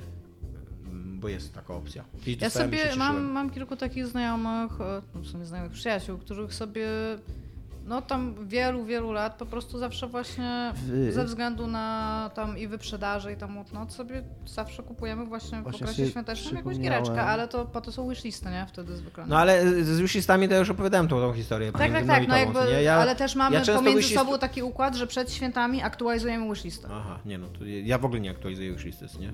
Ja nawet teraz ostatnio zaktualizowałam, ale tak wyrzuciłam po prostu z niej połowę gier, bo stwierdziłam, co to Ja bardzo, to często, ja bardzo często jestem takim wishlistowcem, co to y, taką martwą duszą wishlistową, co nie? Że klikam na bardzo wczesnym etapie w ogóle promocji gry, bo myślę, że to może być ciekawe i dobra, przypomnij mi jak, jak to ona wyjdzie. Mhm. Steam mi przypomina jak ona wyjdzie, ja sobie myślę, o kurde, kliknąłem coś takiego, serio? Byłem w dziwnym momencie? I później zapominam o niej, a później nagle dostają w prezencie od kogoś i jest taka niezręczna sytuacja. No, Dominik, coś sobie przypomniałeś. Yy, że... mm, za rozkruconego mnożenia. Czy można kupić, czy nie, nie, czy można kupić, yy, no chodziło mi o to, że to po prostu bierzesz sobie w tych nawiasach i możesz to Nice. rozpisać. nie musisz uczyć tego na pamięć. Yy, to jest po prostu mnożenie po kolei. Yy, czy można kupić w Empiku jakieś gift cardy do Steama? Tak. Tak. O, zajebiście. W Tak, Żabce można. też, tylko że to jest tak, że kupujesz Nie, ale chodzi mi o, konkretnie chodzi mi o Empik, bo z A. pracy dostaliśmy gift cardy do Empiku. Jestem prawie pewien, że Więc jakieś- jest tam nie- cała, nie- cała taka ścianka z Nie gift wiem, czy gift cardę możesz zapłacić, bo niektóre, na przykład A. nintendowskie, wymagają gotówki. Albo płatności jakiś tam, bo oni ci muszą ten paragon A, wydrukować. możliwe, no. I nie wiem, czy bon No jest dobra, para- no to powiedzmy, jak mam, jak mam, ale być może jak mam bona na X, to mogę na przykład dopłacić tam 20 zł i kupić X plus 20. No zobaczymy, no. I to jest, to jest w ogóle bardzo ciekawe. Bo to by mi e, ogarnęło Inscription. Tak, i to jest w ogóle bardzo ciekawe. Ja, ja bardzo lubię ten moment jakby w kapitalizmie, kiedy kapitalizm tak wprost ci pokazuje, że nie działa, że to jest tylko taki konstrukt społeczny. Bo właśnie jak kupisz za stówę kartę na Steama, to najprawdopodobniej na tej karcie będzie 120 zł. Mniej więcej, nie, bo stuwa jest warta 120, jak się okazuje. Pieniądze nie mają sensu, nie ma Tak, nic bo, połączenia gdzie jest twoja matematyka teraz, Dominik? Ale tak, no i to może kurna się rzuca na Inscription z tego dzięki temu. Bo to byłoby dobre wykorzystanie bonu do Empika. Do Empiku. Kupić. Mówię, z tymi, z tymi bonami jest właśnie taki problem, że wiem, że Może jest, jest jakiś- dużo więcej ob- obostrzeń Może jest jakaś, do może jest jakaś chyba nie. tutaj ekonomiczna, ekonomiczny e, przekręt do zrobienia e, na styku bonów do Empiku i bonów do Steama. I Steama z Brazylii i konta na PS4 No, właśnie. z Turcji jeszcze, no. Tak, to jest, to jest mój ulubiony Team Cebula musisz się tak nakombinować, żeby oszczędzić 5 zł na przykład. Nie, no ja, ja rozumiem, że są ludzie, dla których na przykład te 5 zł jest istotne, co nie? Ale tak, sam, sam też nigdy jakby nie odblokowałem sobie konta w Brazylii, ani w Rosji, nie uważam. Ale chciałem powiedzieć, że wszyscy byliśmy na, na, na tym etapie cebuli, jak żeśmy wszyscy się rejestrowali, kurde, jako mieszkańcy ambasady Polski w Londynie, co nie? No to nie była kwestia cebuli, tylko tego, to nie No była jak, cebuli, e, tylko tego, że po prostu nie było w Polsce Xbox tego Live, jak, no to trzeba było po prostu nie No to korzystać, ja się, a nie Ja się spuści, spuściłaś się. spóźniłam się na ten moment. Ja totalnie, ja dzięki Dominikowi zostałem, zostałem pracownikiem ambasady Jak Polski to, w jak to Londynie. nie korzystać? No ale tam były dema, tam można było kupować giereczki na Live Arcade, no, trzeba było z tego korzystać. Ale pamiętam, że na Wii U nie było ogólnie Polski i żeby mieć e, nasze metryczne wielkości jednostek, to musiałam się zarejestrować chyba w Australii? Jakoś tak dziwnie, że pamiętam, że potem jak grałam w Mario Karta, to mnie cały czas z Australijczykami łączyłeś, się zastanawiałam o co chodzi, a potem zobaczyłam, a, bo Wii myśli, że jestem w Australii, to ma totalnie sens, nie? E, No, to tyle chyba mamy na dzisiaj. e, z tematów świątecznych i co jest. To jest bardziej o co jest grane był odcinek jednak. nie, ma co tu oszukiwać. Y, Tak patrząc święta na długość, to więcej ogólnie. było, więcej było co jest grane niż... Czytam teraz rewelacyjną powieść. Jeszcze w ogóle, jeszcze wam nie będę o niej mówił, tylko wam powiem e, tytuł. Tysiąc jesieni Jakuba de Zut. E, I jest rewelacyjna e, na, na początku. Michela, nie pamiętam imienia. Chyba David Nazwisko Mitchell. brzmi jak e, rozpinanie rozporka, tylko chcę to powiedzieć. Mitchell? Nie. E, De Zut? No to jest... Jakbym była e, pornogwiazdą się DZ przed latami uty. 80., to bym się nazywała Jakub de Zut.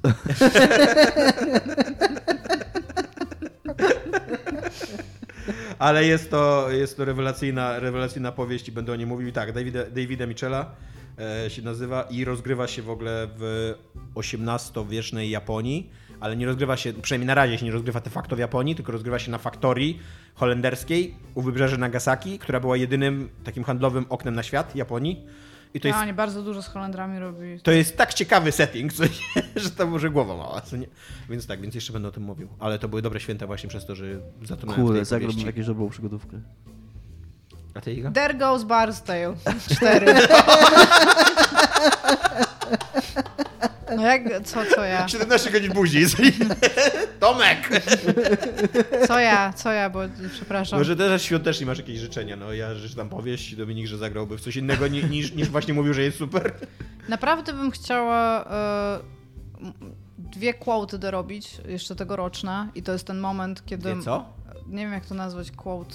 Znaczy, te, jeżeli Sumy? masz e, jakby ustalone, że rocznie robisz ileś No, quota, no to... limity. No, no właśnie nie limit, bo to nie chodzi o to, żeby... Jakby limit to jest coś maksimum, a to jest jakby minimum tego, co musisz zrobić. No dobra, no to... To ja muszę jeszcze doczytać dwie książki i muszę jeszcze przejść kilka gier, więc e, jakby ży życzyłabym sama sobie, żeby kurde przejść to Inscription jak najszybciej, czyli najprawdopodobniej jutro. Bardzo bym chciała sobie pograć w Loop Hero, ale pewnie zacznę przechodzić po prostu jakieś rzeczy ze Steama, które leżą i czekają na swoją kolej. Ja totalnie mam przy łóżku takie dwie powieści mega wielkie, które czytałem, czyli Blaszany, Bardzo dużo powiesz. blaszany pół dziecka. No tak. Blaszany Bębenek, bo tak pokazałem tutaj, więc stąd ten dowcipiki. Blaszany Bębenek czytam i Ada, czyli Żar yy, Nabokowa. I, I totalnie właśnie miałem tak, że już mam 53 powieści przeczytane i już widzę, że to jest kurde porażka tego roku, że nie będzie 54, co nie, że, Wow. że to będzie klęska, katastrofa i w ogóle moje życie nie ma sensu. Ale Chciałem cię uspokoić, nie będzie porażka, to ty jesteś porażką. Jeszcze oso, Dominik miał Game Boya. A Iga Amiga, ja nie miałem ani jednego, ani drugiego, kurwa. Ja się cieszę FIFA 99. Do dzisiaj. Ale i tak, i, i tak trochę mi na Wigilię miałem taką myśl, Tomek, ty nie jesteś już na studiach, nie musisz czytać tych książek, jeżeli nie chcesz.